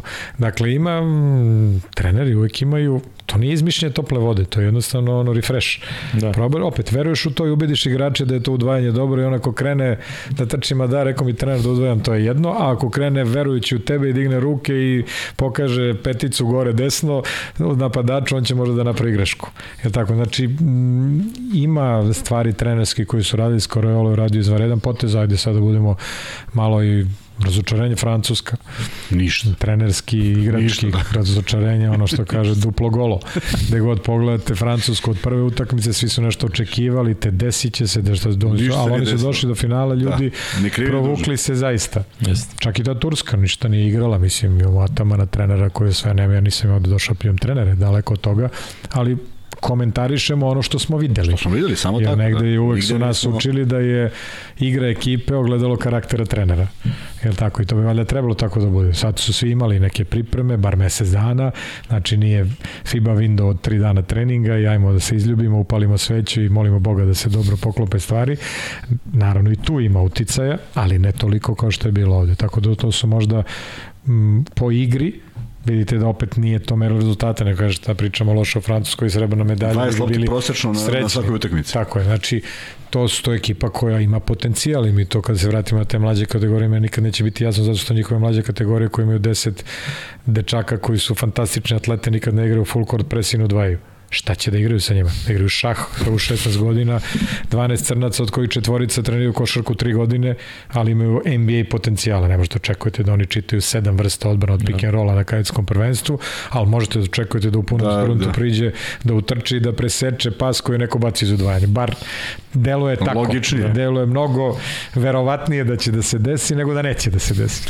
Ovo si me podsjetio Žerovica u... Kuzma, i znamo ko je dobio free bet. Uroš. Uroš? Samo Uroš.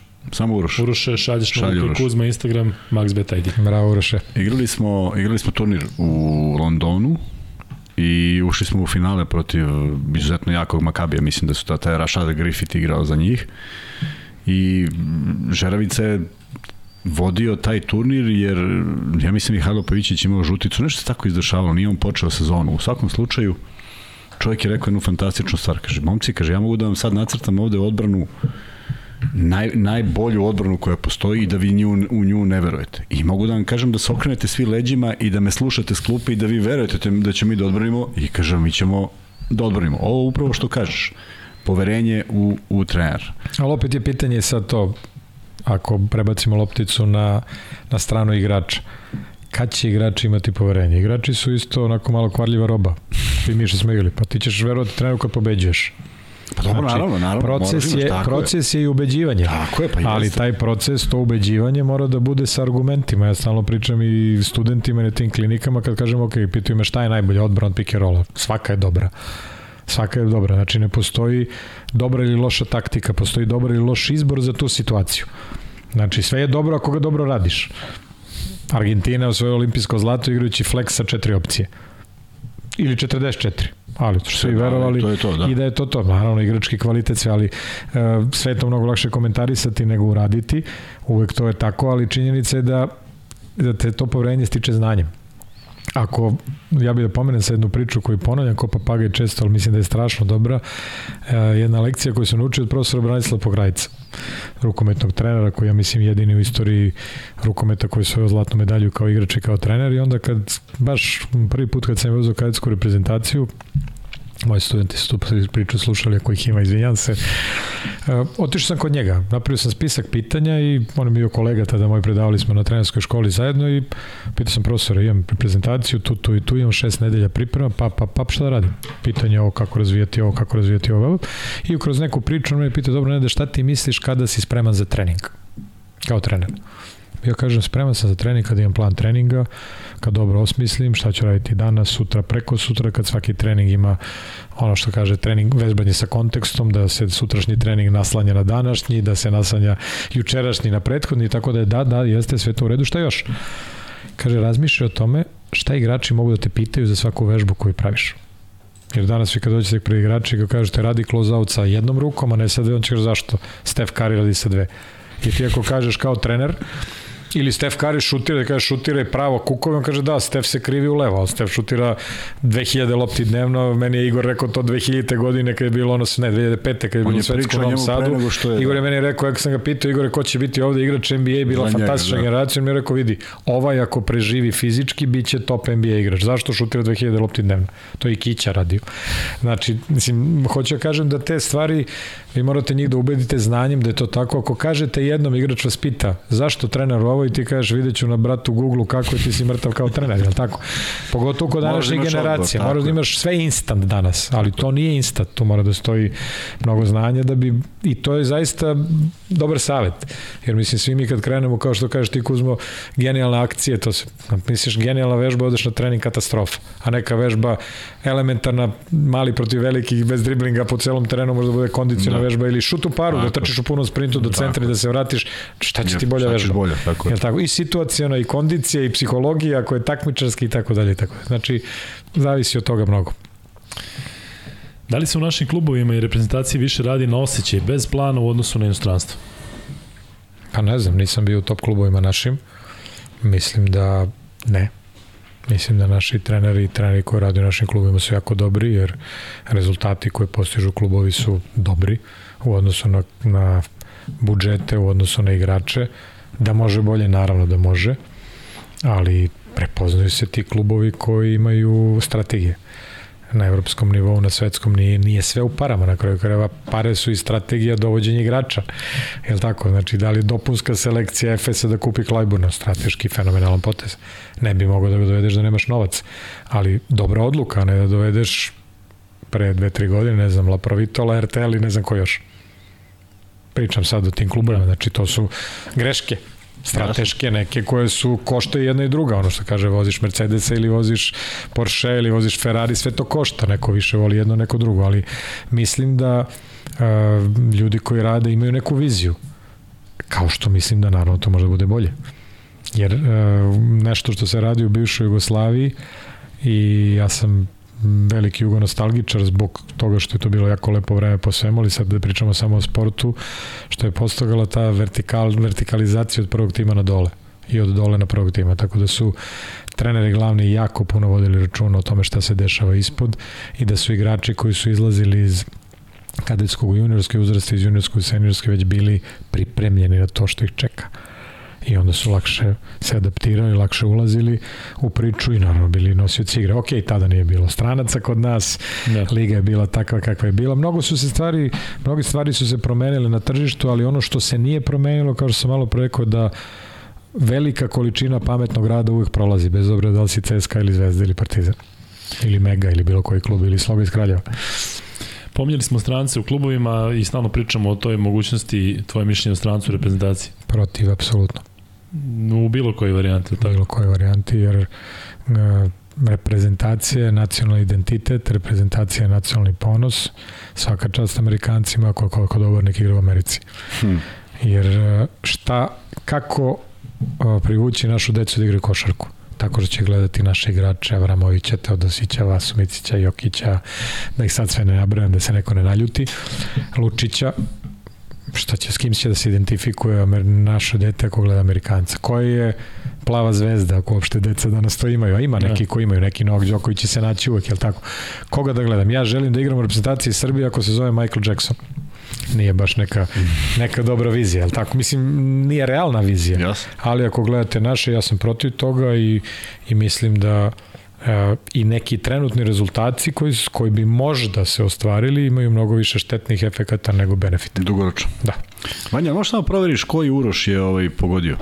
Sam Uroš je upisao. Pa znam, ali mora ti da prezime, dvojice su javili. Pa evo kažem im, ali ti proveri ko je. Nek se javi tebi kako se preziva. Pa da, ali ne može se javi Vanji, kako može se javi Vanji, može se javi ovde u četu.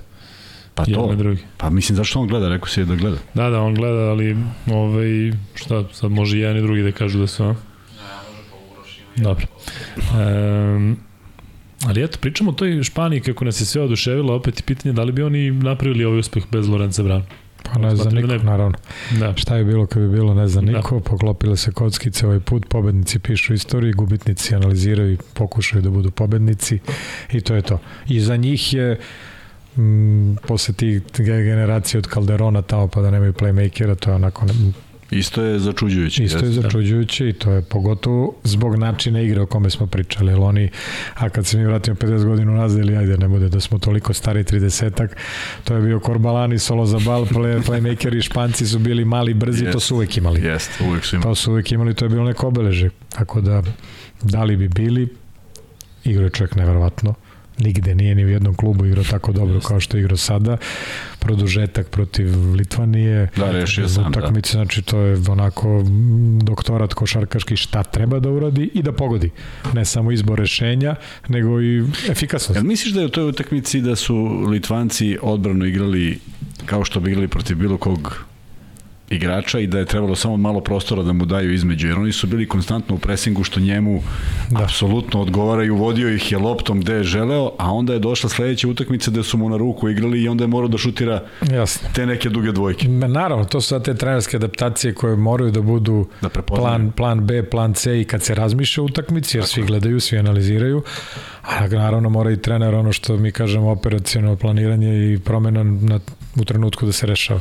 Jer Brown je igrač koji je nešto što su bili ranije jugoslovenski igrači, znači jedan na jedan mag. Rešava jedan na jedan sa dva, sa dva driblinga u, u zastupne promene pravca, pravi prednost bez problema. On je u, u Euroligi, kad igraju u Zvezdi, kad igraju u drugim klubovima, imao problema da čita prvu, drugu pomoć ali jedan jedan nikad nije imao problema da, i u Feneru kad igra, tako. Međutim, ovde se sad tako sve iskristalisalo da. i naravno takvi igrači kad mu prilaziš, on jedva čeka da mu priđeš, jer on ne zna kad mu se radi, kad mu se da odmakneš. Da on je znači jedan na jedan te probije i odme to 5 na 4 tako. i onda i mnogo gori igrači od njega lako čitaju 5 na 4 ili negde u nekom segmentu terena 3 na 2 nego to. Tako da tako slažem se apsolutno s tom, to su bile neke onako nijanse koje, koje bi odlučilo i koje mogu da se menjaju. Na kraju krajeva ono što je meni lično uh, onako malo falilo u tom nekom čuvanju njega, a što je uvijek bila praksa kod uh, protiv najboljih igrača da se menjaju i čuvari u smislu konstitucije, različite karakteristike, čuvate mali, čuvate veliki, čuvate levoruki, čuvate desnoruki. Zato recimo u treninzima, eto Luka, to je jedna priča ono malo pre za playmakere, uh, ja stalno to ponjam kao papagaj ako treniramo playmakera i sve igrače, ne može četiri godine ja da igram protiv jednog istog playmakera na treningu.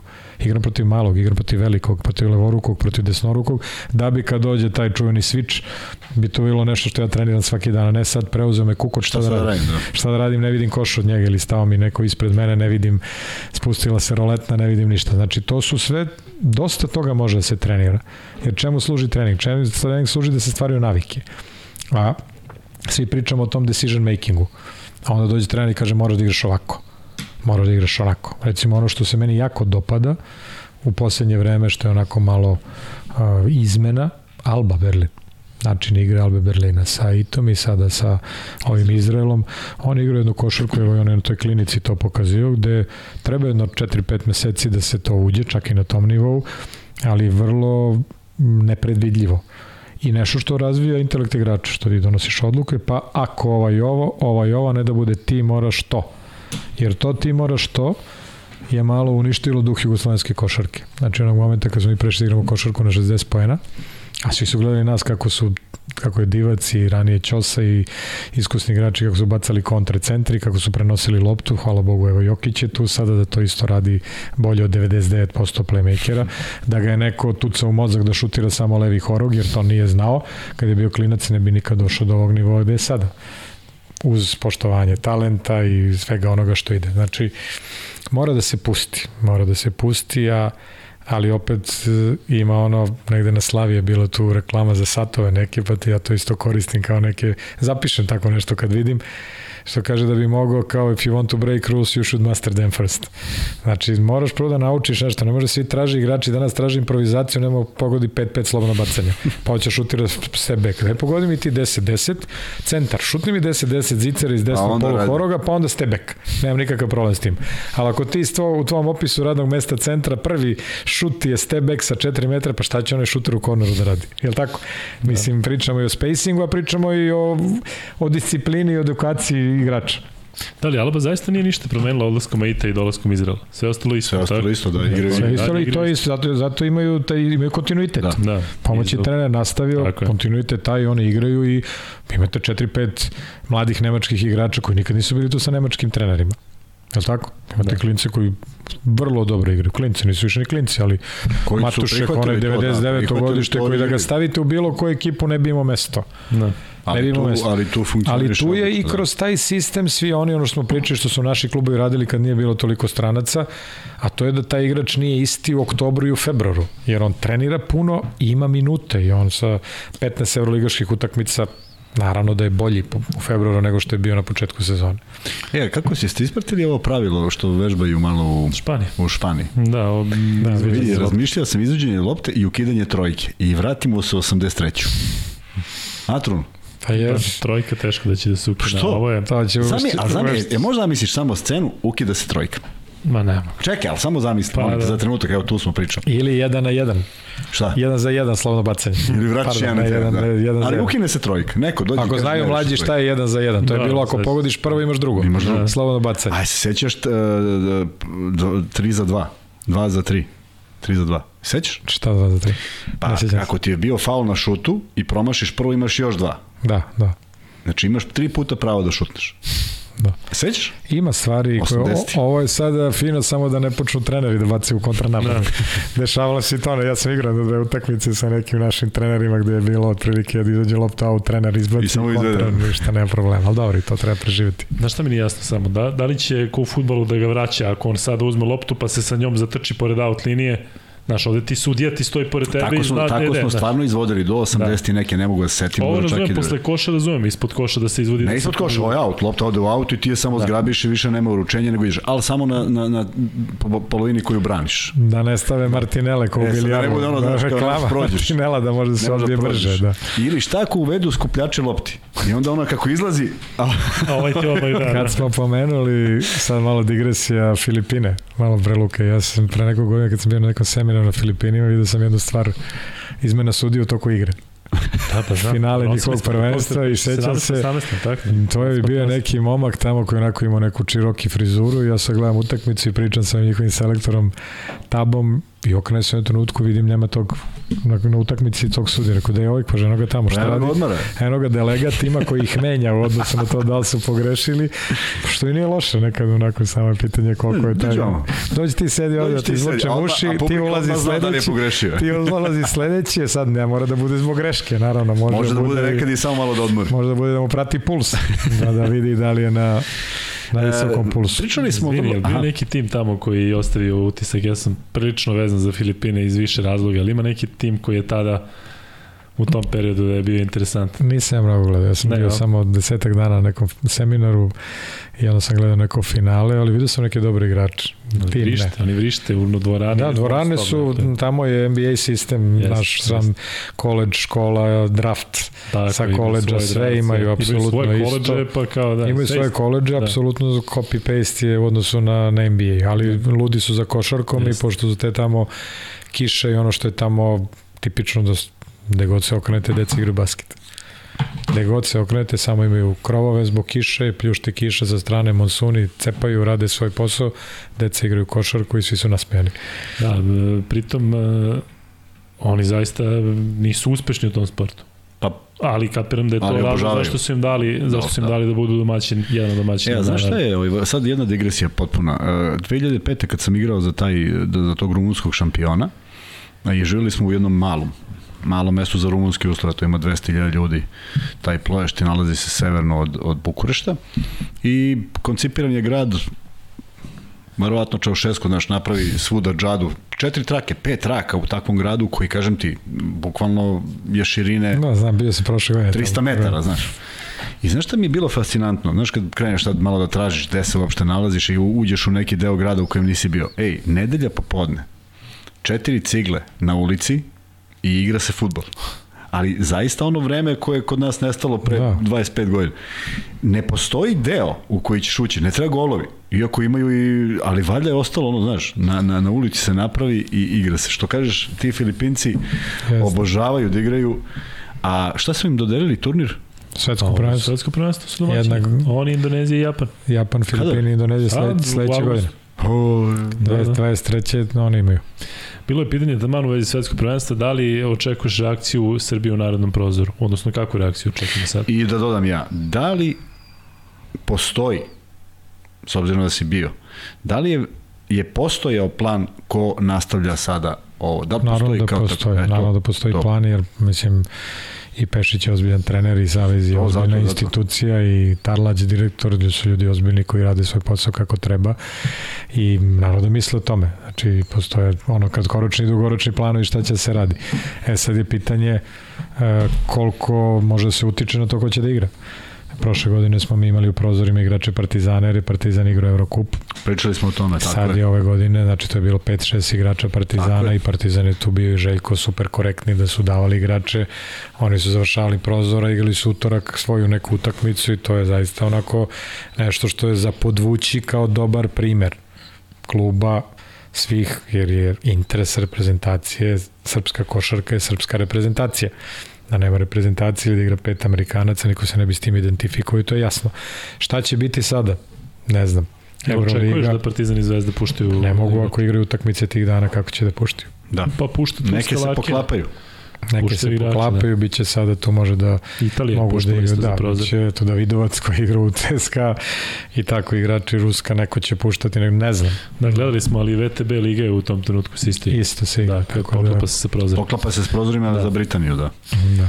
Nije lako, jer Da, da, i pa. kad isti ti Britanci odveće vas negde u neki tamo Leicester gde ćete igrati protiv 10 crnaca gde ne znate šta i kako Pritom ista ova ekipa koja je bila na Evropskom. Jeste, ista ekipa njihova, a naša potpuno Da. da. drugačija. Jer sad, ako se ne varam, od igrača koji su igrali prozore kod nas, bio je ko na prvenstvu, bio je Kuriđa, koji je igrao sve i bio je Dule Ristić. Jako je, samo njih dvojica. Samo njih dvojica su bili skroz. Ja tako? Vanja, Vanja je bio sad na kraju, Vanja nije bio prvi. Aha, nije u onim prvim, da. Nije u prvim bio. Vanja prva dva nije bio, Vanja je bio u trećem. Vanja Da. nije igrao prva dva, prvi prozor Beograd, Letonija i Belgija i Slovačka nije, igrao treći u junu. Znači, tri igrači koji su igrali, a kroz taj ciklus ceo je prošlo, baš sam sa sa koučem pričao o tome, znači gledao sam pred prvenstvo, 23 igrača su prošla kroz prvo tri prozora. Da. Znači to je isto sad 3-4 dana treninga i opet to igrači koji nisu igrali, imali smo igrače u tom trenutku koji svojim klubovima se nisu skidali, Ma da, pa po 7-8 pričali smo o tome, utakmica koji su morali da dobiju vodeću ulogu. E Sad je tu problem ti igrači kako to prihvate, mislim, oni moraju da shvate da mm, da se nekad ulazi u reprezentaciju tako što dominiraš godinama u klubu. A onda ti neko A onda iz, malo sreće a onda ti malo neko, više sreće. naravno, i moliš Boga da se to desi baš tebi, da se dopadneš treneru, da u tom trenutku na toj poziciji mesto, sad se nekako sve to dobija onako na, Suviše, suviše. na da. lagano i onda se vjerojatno zato i ne ceni, otprilike što bi se ja mučio ako Kad može, kad, kad vidi da- ovako da. sam tu negde. Da, da, da. I pomisli da je stvarno tu negde. Jeste.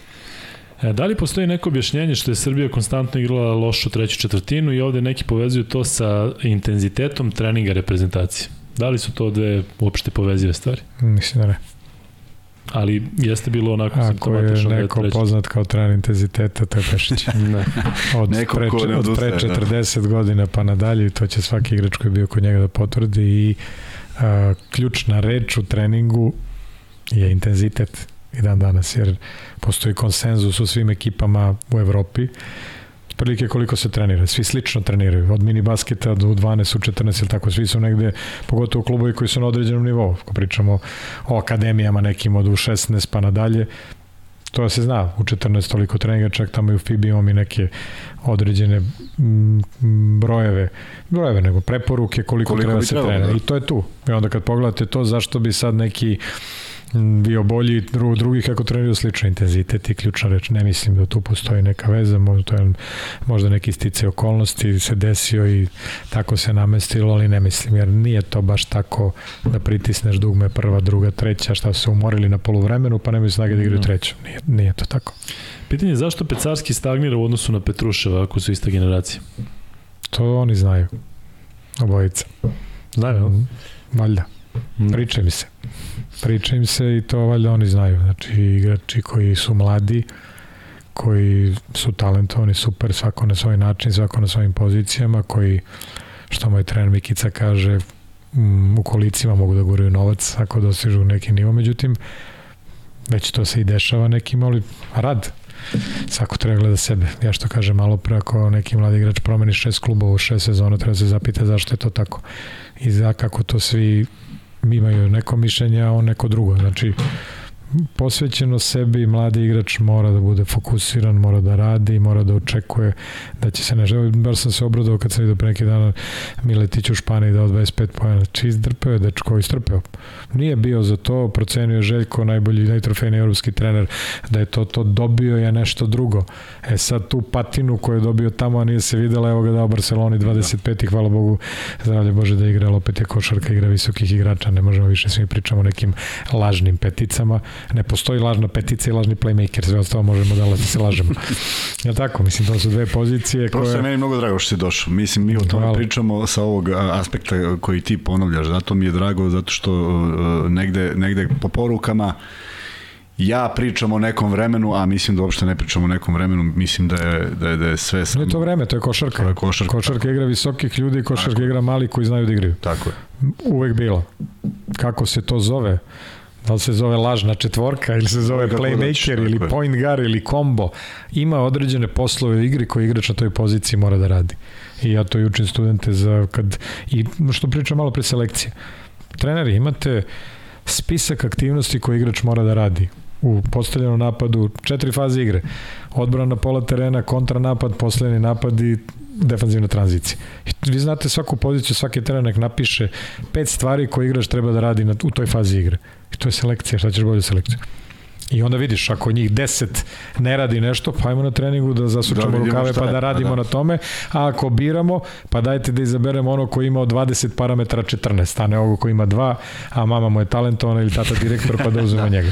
Je tako? Znači, da, to da. su, mislim, kriterijumi mogu da budu vrlo jasni, to je sad ona tehnička analiza koja ide onako kao dodatak, naravno, za ono psihološko i ono fizički što smo već pomenuli. Ti krenuo da odjavljaš emisiju? Ne, ne, nego sam se zahvalio što, što mi, ne, ne, ne. Prosto što si Možda je polovreme. Ne, zahvalio Možda je polovreme ili prva četvrtina. Ne, da, da, da. Što je došao i govori da. nešto što pričam i ja, pa da ne bude da sam usamljen. E, da li postoji neko objašnjenje za te Nedoviće povrede konstantne? To može sa nečim da se uveže. Pa ne znam, mislim, to znaju ljudi koji njega prate. Činjenica je da igrači koji su eksplozivni, kao što i on moraju da budu bolje pripremljeni, jer njegov doskok nije isti kao doskok nekog ko skoči 20 cm. Ne.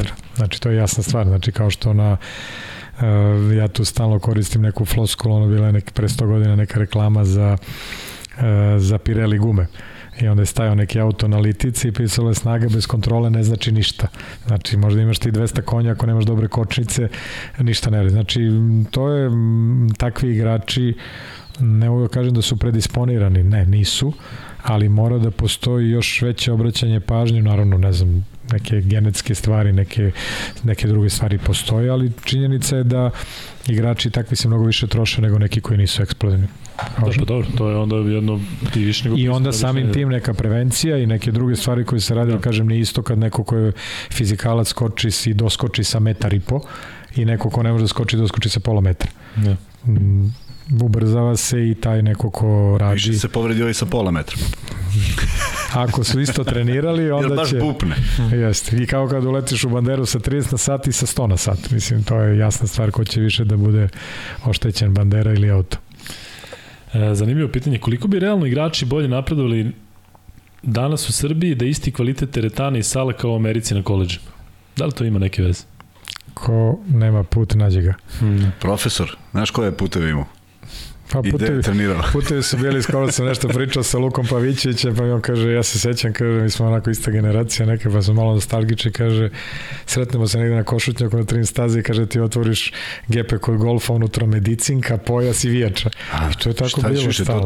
Vijača je bilo u torbi, Viječe je bilo u torbi ono duplo dno kad su bile one jasa torbe sa dvostrukim dnom, to nisam vadio od početka karijere, a ove dve, tri stvari kad sam zaimao kola, onda ubaciš u kola i gde god Koje kola si imao plus? Pa tad je bio golf, dok je bio pa, Olimpija, Ljubljana, pa, Svelt, da. Olimpija, Slovenci su bili dobri, tako da to je bilo to vreme.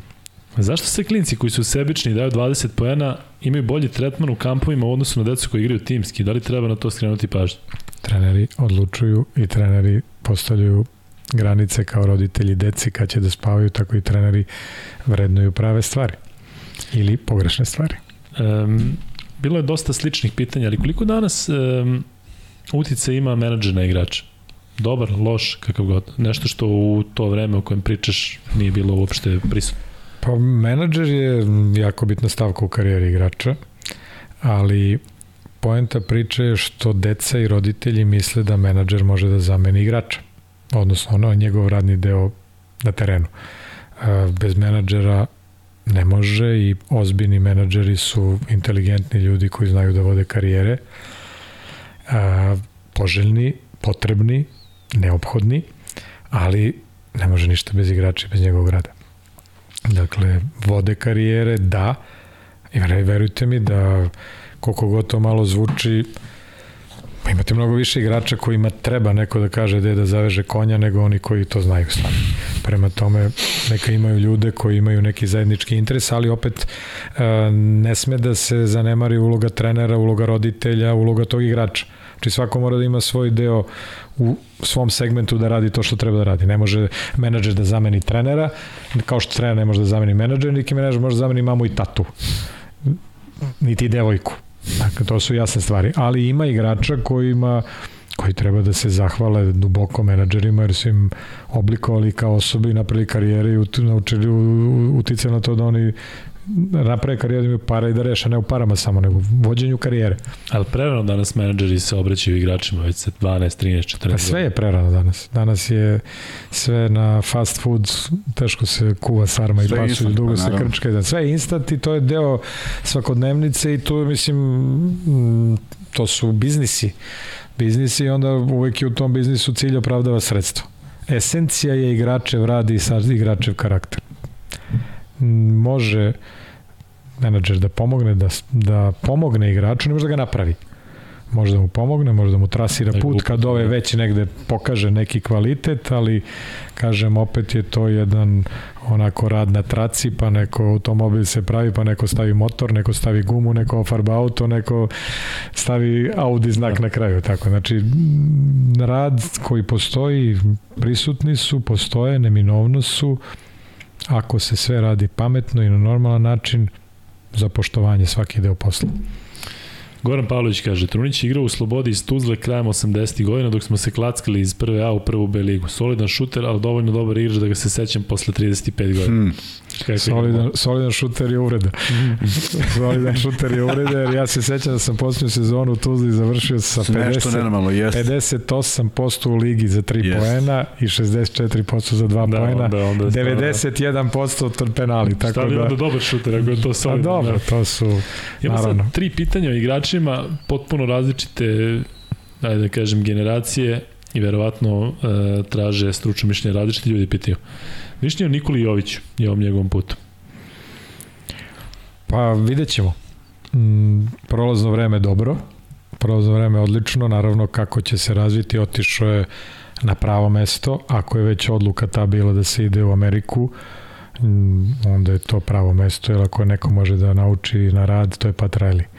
Tako da, ako neko misli u smislu preskakanja nekih stvari, pa evo imali smo primjer Jokića koji je preskočio Zvezdu i Partizan i on je ovde jedini u reprezentaciji koji nije igrao u Zvezdi ili Partizanu, bio sada na Evropskom prvenstvu, nešto sam pročitao u da, toku prvenstva, mislim da je jedini on, ili, znači Zvezda ili Partizan, ima različitih puteva, neko dođe do vrha na ovaj način, neko na ovaj. Izuzetno talentovano dete, izuzetno talentovan klinac, klinac, nije više klinac, ja sad pričam ni klinac o NBA igraču, ali NBA Miami je pravo mesto kako će se adaptirati, da će se adaptirati socijalno, fizički, košarkaški, želimo sve to najbolje. Su, da, to su I mislim da ima tako, to su sve one XY set, ili tako, kako će da prođe, mm, želim pre svega da bude dete zdravo, da bude zdrav igrač i tamo vode računa o tome i a, košarkaški nema nijedan razlog da ne uspe bez obzira na to što je preskočio možda neke stepenice, kažem, nije isti put, jer i veliki igrači nemaju, nisu u kliševu veliki ljudi umetnici nisu u kliševu, ne očekujete da svi tarabaju istim putem i da naprave onaj ko je različita i malo ode na drugi način, pa verovatno je zaslužio to što su ga tamo u tim godinama odveli. Mislim, svi da. bi volili da se to desi, onda kad se nekom desi kaže, e, on je isti, pa nije isti koji drugi, zato je tamo. Da. Želimo da uspe i da napravi put mislim da je Pat Riley i sredina Miami poznata kao radna sredina, jer njemu treba ozbiljan rad. Jesi odlazio u Ameriku? Ne. Ne, a nije, Nisam, nije te put vodio? Nije me nikad put vodio. Kad su bile neke školske turneje, ranije sam kao bio dobar student, pa sam studirao, jer je to bilo pred neke ispitne roke. U Kanadi sam bio par puta na nekim seminarima, ali u Americi ne. E, mišljenje o Radetu Zagorcu. E, ja i Kuzma smo prošle, krajem prošle sezone dosta pričali o tome to njegovo mučenje, ali to zaista ono što smo pričali na početku podcasta Glava, Pričali smo afirmativno u smislu da želimo i da nam je da, žao što, da. što, što prolazi kroz ovo, ali šta je moguće da se tu desilo? Da se definitivno jednog... muči, da kažemo, ajde, da, da, da ne može da uhvati. I nema još klub, jer nigde nije zašlo da ima neki... Ništa.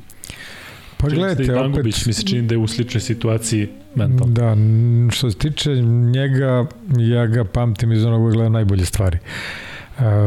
Dvojka, visok, perspektivan, modern. Mislim da telo nije uradio tako da treba da igra na tom nivou, da uradio telo ne bi završio kao četvorka. Da je uradio telo kako treba da uradi, zašto nije? Pa opet kažem, ne može ni, ni klub, ni agent da ga spreči da radi 100 sklekova dnevno, da ne pričamo o modernoj trenažnoj tehnologiji, je tako? Um, koji razume košarku, koji zna, koji je ovako trenabilan, koji je, ima smisla, ima svoje kvalitete, zašto te kvalitete, sigurno ima veće kvalitete nego ono gde se sada nalazi. Zašto je tu gde jeste? Ne znam, zna on, to su stvari ono daily bread, što se kaže, šta jede svaki dan, u smislu šta trenira, kako radi, imao je izvanredne mm, dobro odskočnu dasku za početak karijere, draftovan, bio tamo, onda otišao dalje, pa onda i ovde, pa i kapitan. Smo se beše sreli u Linjanu, imao si, imao si svoje predavanje. Da. Bio i Pešić. Da, da, to je taj, su, taj to je ta, TSS jest, program, da, jest, FIBA Europe Coaching Certificate jest, tamo smo se sreli kad su oni osvojili jest. i zlato. Jeste. Ima različitih puteva, ali mislim, opet ja kažem, ne verujem u, u kad dođe neko već, kad uđe u taj voz, top košarke, on je rano ušao. Ne verujem u zlu sreću. Uz jedino ako ti se desi dva puta ACL, da ti pukne. Da, da, da. Tako baš, nešto, ali ako si živ, zdrav, ako si prav i kažeš kriv mi je ovo ili on, ne, nije niko kriv si ti. Ne, ja i mislim da on misli, ne, ne mislim da bilo koga krivi, uopšte mi ne deluje tako, ali je upao, upada... S druge strane, nešto... kapiten Partizana, evroligaški da, igrač. Da, Ok, ne mogu svi da igraju NBA. Da. I to je neko dostignuće. Mnogo klinaca bi bilo srećno da dođe do tog nivoa. Tako, tako da. da uvek je ono gradacija, samo što uvek ima da li je neko iskoristio sve svoje potencijale, tako pa to je opet pitanje samo za tu osobu. Nismo tako mi tu da, sudimo, da bude, tako. nismo mi da sudimo, jer kažem, ne mogu svi da budu menadžeri, neko će bude i vozač, neko će bude i kuvar i to su časni poslovi i to treba poštovati više nego nešto drugo. E, Koji ti je treći? M, treći Wilt Chamberlain. Ne znam da, da ga mešam uopšte u pred. to da ga smo već po, pomenuli Pita Maravića, ali ovaj, eto, može kratko Wilt Chamberlain. Šta, šta?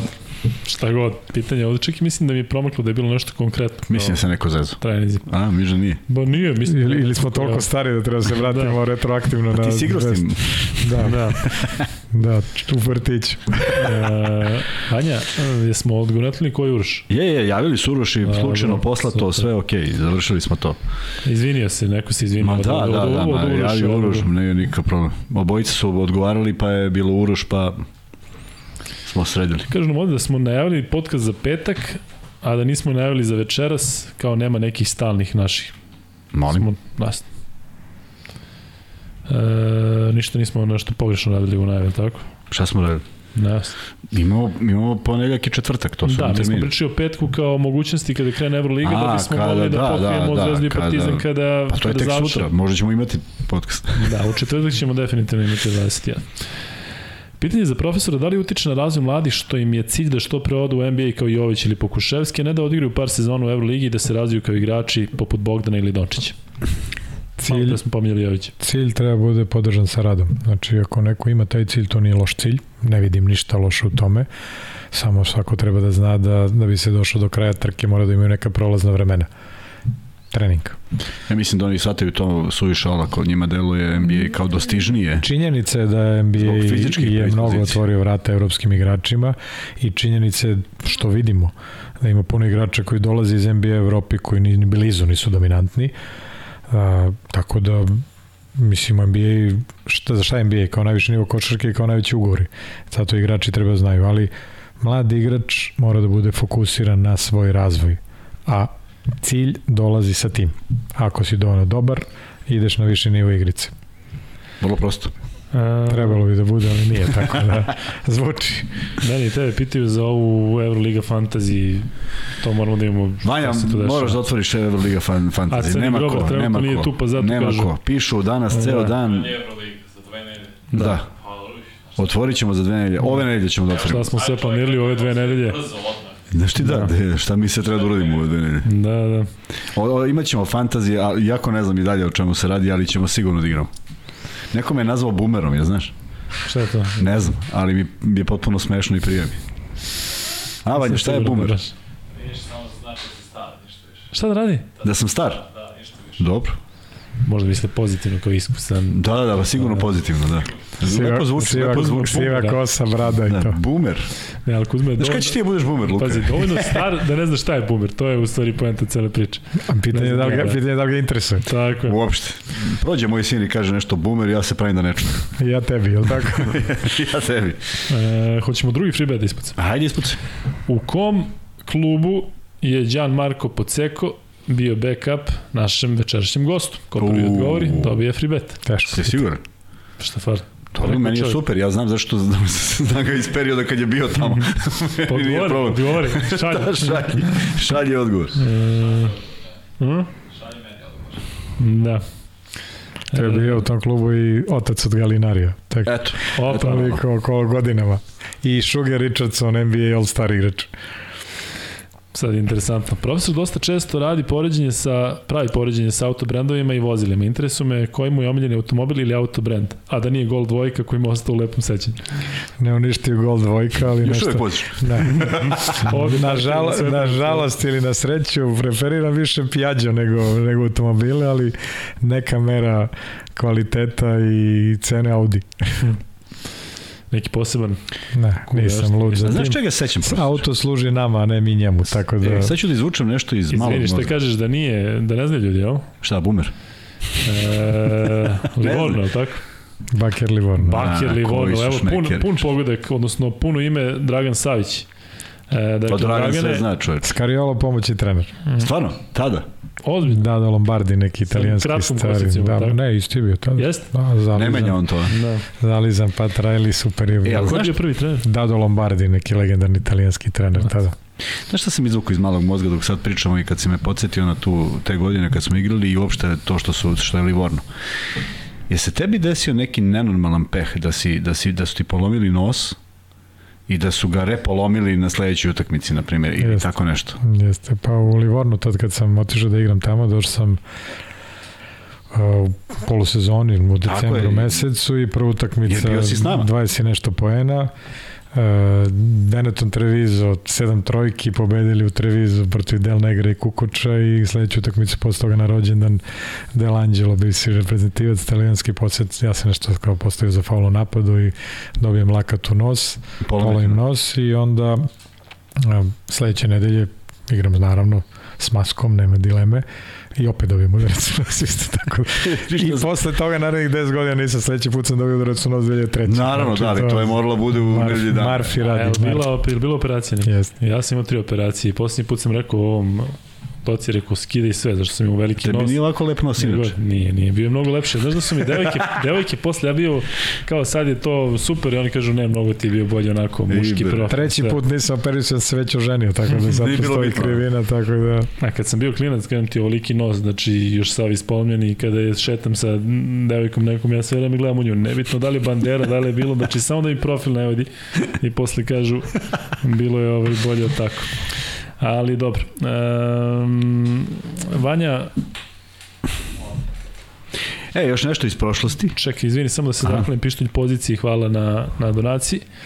E, ne znam šta sam hteo. Tebe pitaju da analiziraš FNP u kvalifikacijama za FIBA ligu E, drago mi je šampiona. povedali. Nažalost, nisam mogao da idem zbog ovih obaveza svih, ali sutra ću da, da pogledam, igraju protiv, Protiv Opave. Opave, da.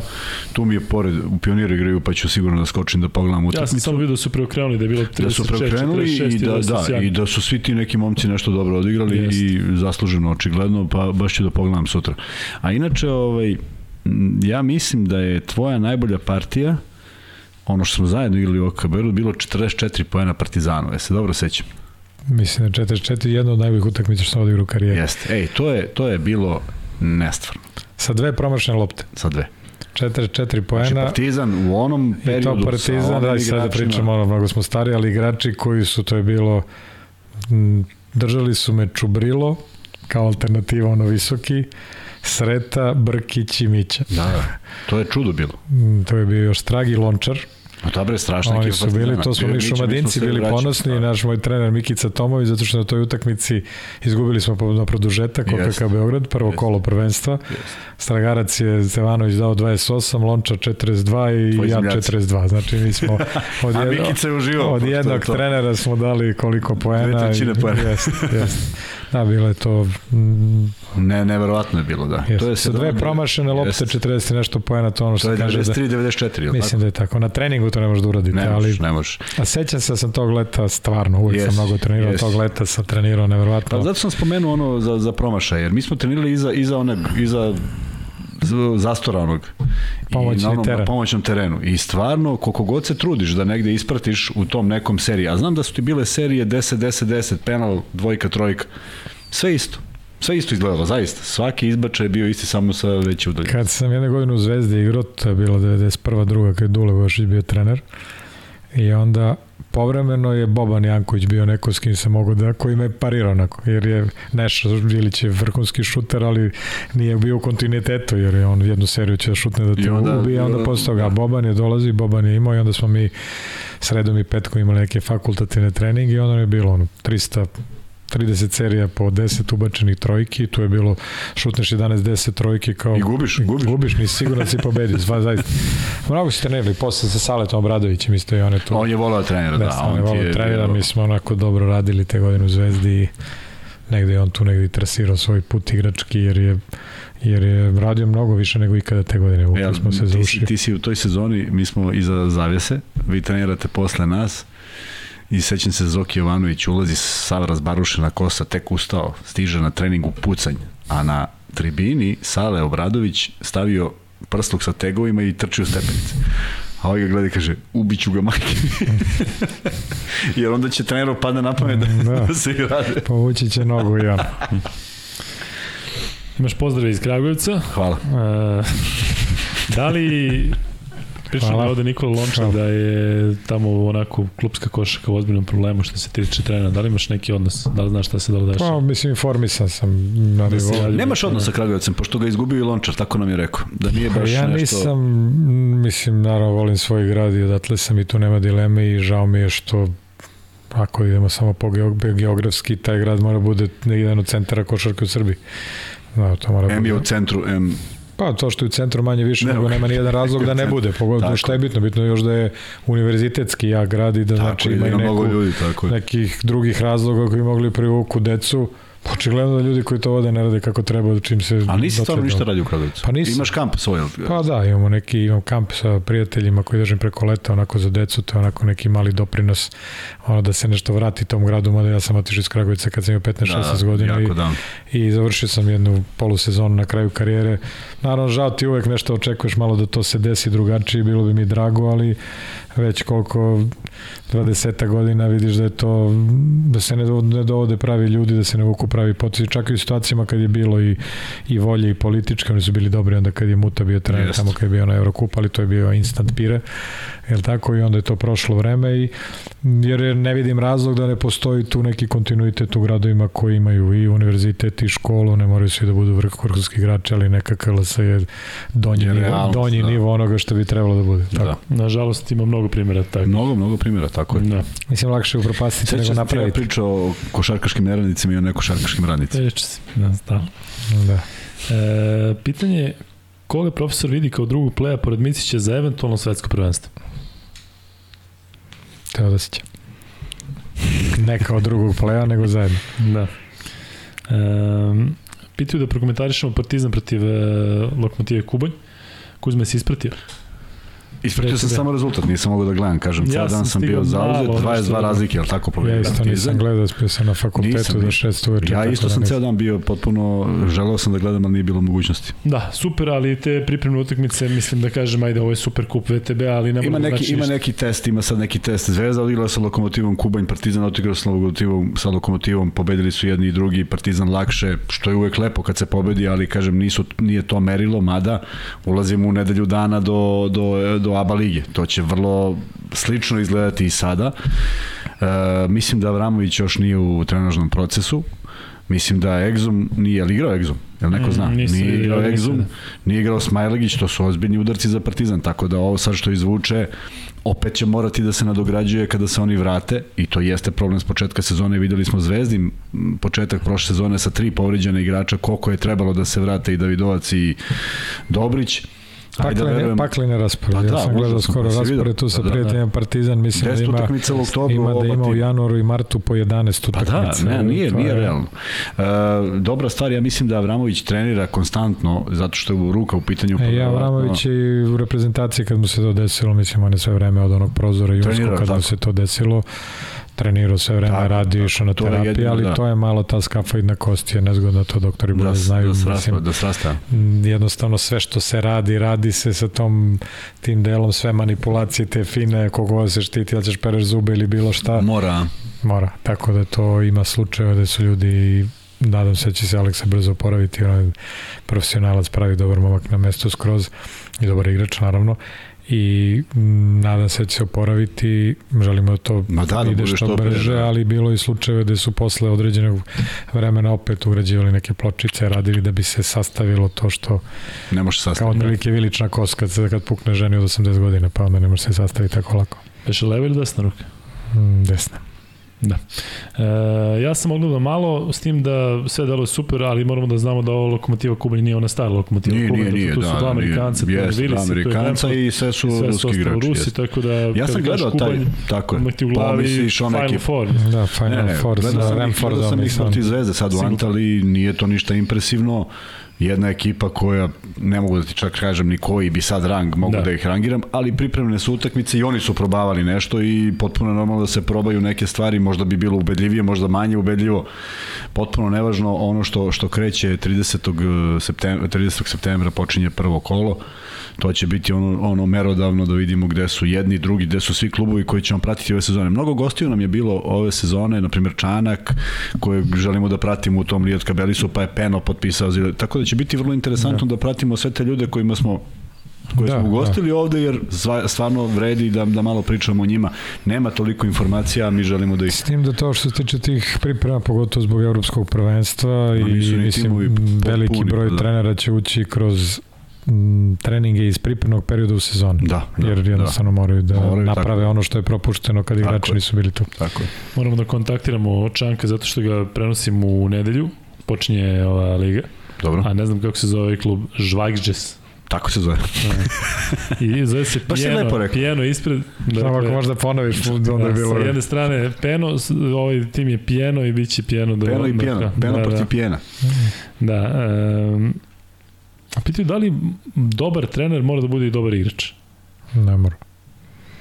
Ne mora, ali je lakše ako je bio. Koji igrače možemo očekivati u predstojećem prozoru? Da li se nešto zna iz priča iz onog prethodnog prozora? Pa, da, neki u principu, m, ne zna se.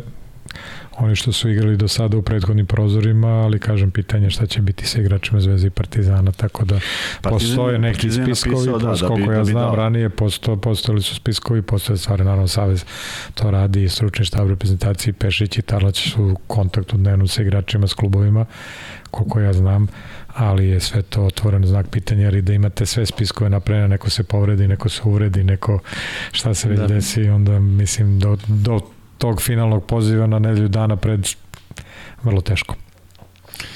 Um, šta mislite o Barši Koprivici? Šta misli profesor Barši Koprivici? Mi izuzetno ali dobro mišljenje o njemu, a, pogotovo što mislim da nije potrošen u tim kategorijama momak na mestu potpuno jer je to, da krenemo od toga kao što smo ovde krenuli, znači coachable 100%, vredan, dobar, dobro trenira, dobro radi, a, ima kvalitete za top igrača na toj poziciji. Evo jedno pitanje koje ide upravo sa ovim što pričaš. Da li misliš da ima tvrdu ruku malo? Šta misliš o njegovom šutu? Tvrda ruka nije opis poslovni njegovog radnog mesta, tvrda ruka se omekša sa brojem ponavljanja. Pogotovo sa tih pozicija sa kojih On to nikad sa nije ni radio, pozicija koje on šutira. šutira i naravno sa konceptom igre. Jer imali smo mi igrača koji imali smo Pekovića koji ima fantastičnu ruku pa nije šutirao. Da. Koji je šutirao 90% penale pa nije šutirao dalje od eh, Pola metra. od drugog skakačkog mesta. Znači Koprivica za modernu košarku ima sve fizičke atribute, izuzetno skočan, brz skok, drugi skok, brz, može lagano da preuzima sve što treba i na perimetru, može brzo da se vraća, ima taj tapin fantastičan, dobar osjećaj za rampu, um, nema gotovo ništa osim tog nekog taktičkog iskustva koje mu treba, Da, što, mu je on što igrao- mu je limit, jer on igra neku drugu košarku, je. kažem, to je opet sa druge strane prostor, sam rekao, ima veliki prostor za napredak. I napredovo je dosta, može još bolje, još treba da radi na nekim malo specifičnim stvarima da bude ubica sa low posta, jer ima sve kvalitete da to radi, da ima neki, neku specifiku koju će svi da znaju da radi, a zbog njegove kvalitete ne može da mu odbrani. Desni polu horog Mario, Da, Mario to, da, Primorac da, da, Mario ili Mirko Primorac. Milićević, znači neki, neki takav, mislim, Mirko neki šut, bilo- kaže sad, secali su mene na pameta, recimo, polu horog desni iz naskoka na dve noge koji njega sa njegovom skočnošću i sa brzinom skoka i visinom redko ko može da brani. Samo treba ponavlja veliki broj puta to. Ove druge kvalitete super, mislim ne bi ga Željko uzeo u Partizan, da igra u Partizanu, da nije te stvari, moje iskustvo u radu s reprezentacijom super pozitivno, je dečko na kojem nema nikakve zamerki, ja kažem ima performanse da bude top igrač. Kako će se razviti, kojim To će putem ići, da. to su okolnosti, opet trening sigurno ima dobar, minuti bitni da se razvije kako treba, specifična pozicija, kasnije sazrevaju, sve to stoji, ali na mesto skroz i apsolutno mislim da on treba bude jedan od igrača koji će u narednih deseta godina, ako se bude kako treba nosi reprezentaciju na toj poziciji. Jedno opšte pitanje, mislim opšte. Koja odbrana je najbolje protiv tima koji šutira trojke? Odbrana da ne daju trojke. Koja je se, odbrana da. najbolja? Znate, to su, evo gledamo tamo Toronto Raptorse, pa kad izlaze taj close out na šutere, oni izlaze taj fly-by takozvani, samo je bitno da šuter ne bude catch and shot, nego da spusti loptu dribling. Najbolja je najagresivnija odbrana koja ne dozvoljava da primi igrač loptu. Imate vrhunske šutere koji svi gledaju onaj završni čin, ali pogledajte Cleo Thompsona koji je recimo vjerojatno najbolji šuter, ako gledamo samo šuterske sposobnosti, čije je čiji dobar šut omogućava nevjerojatno kretanje bez lopte.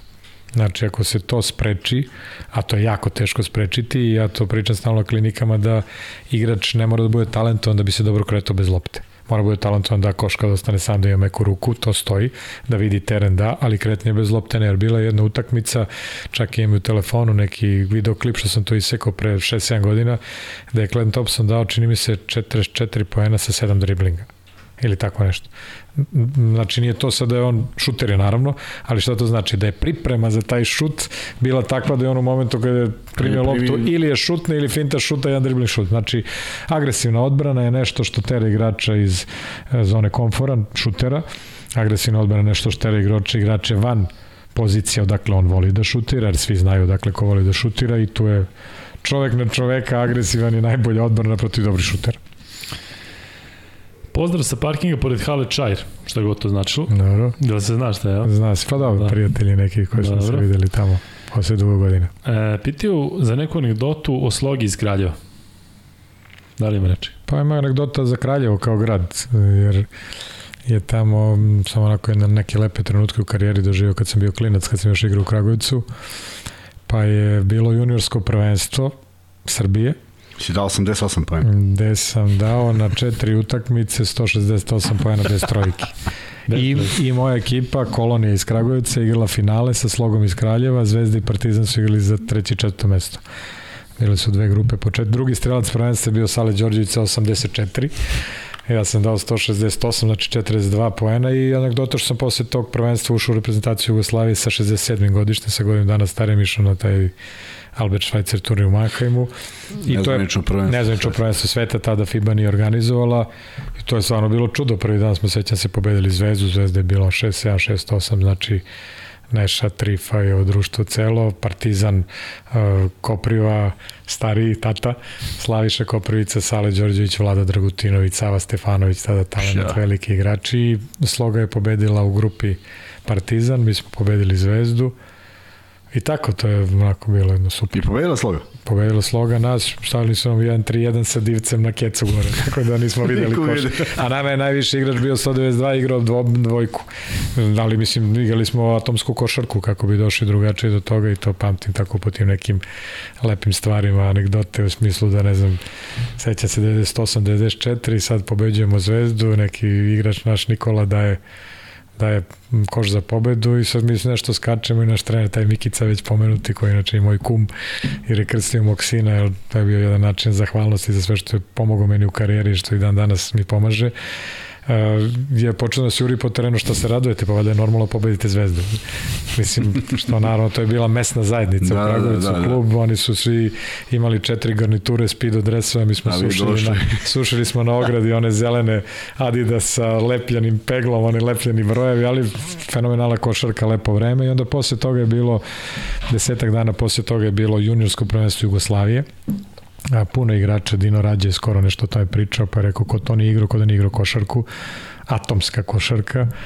I onda tamo mislim kad sam došao nešto ljudi su tako prepoznali, pa je bila neka priča da idem u Kraljevo, ja sam odlučio da odem na drugo mesto i tako, ali bilo je uvek košarkaški grad tada pogotovo i lepa me sećanja vežu u tom smislu, je to bilo prvenstvo zaista gde budućnost sa Lukom Pavićevićem, Paspaljem, e, Partizan sa svim ovim pomenutim igračima, Jugoplastika, Kukoč, Rađa, Alanović, Videka, moj dobar prijatelj. Nije loše godište bilo to vaše.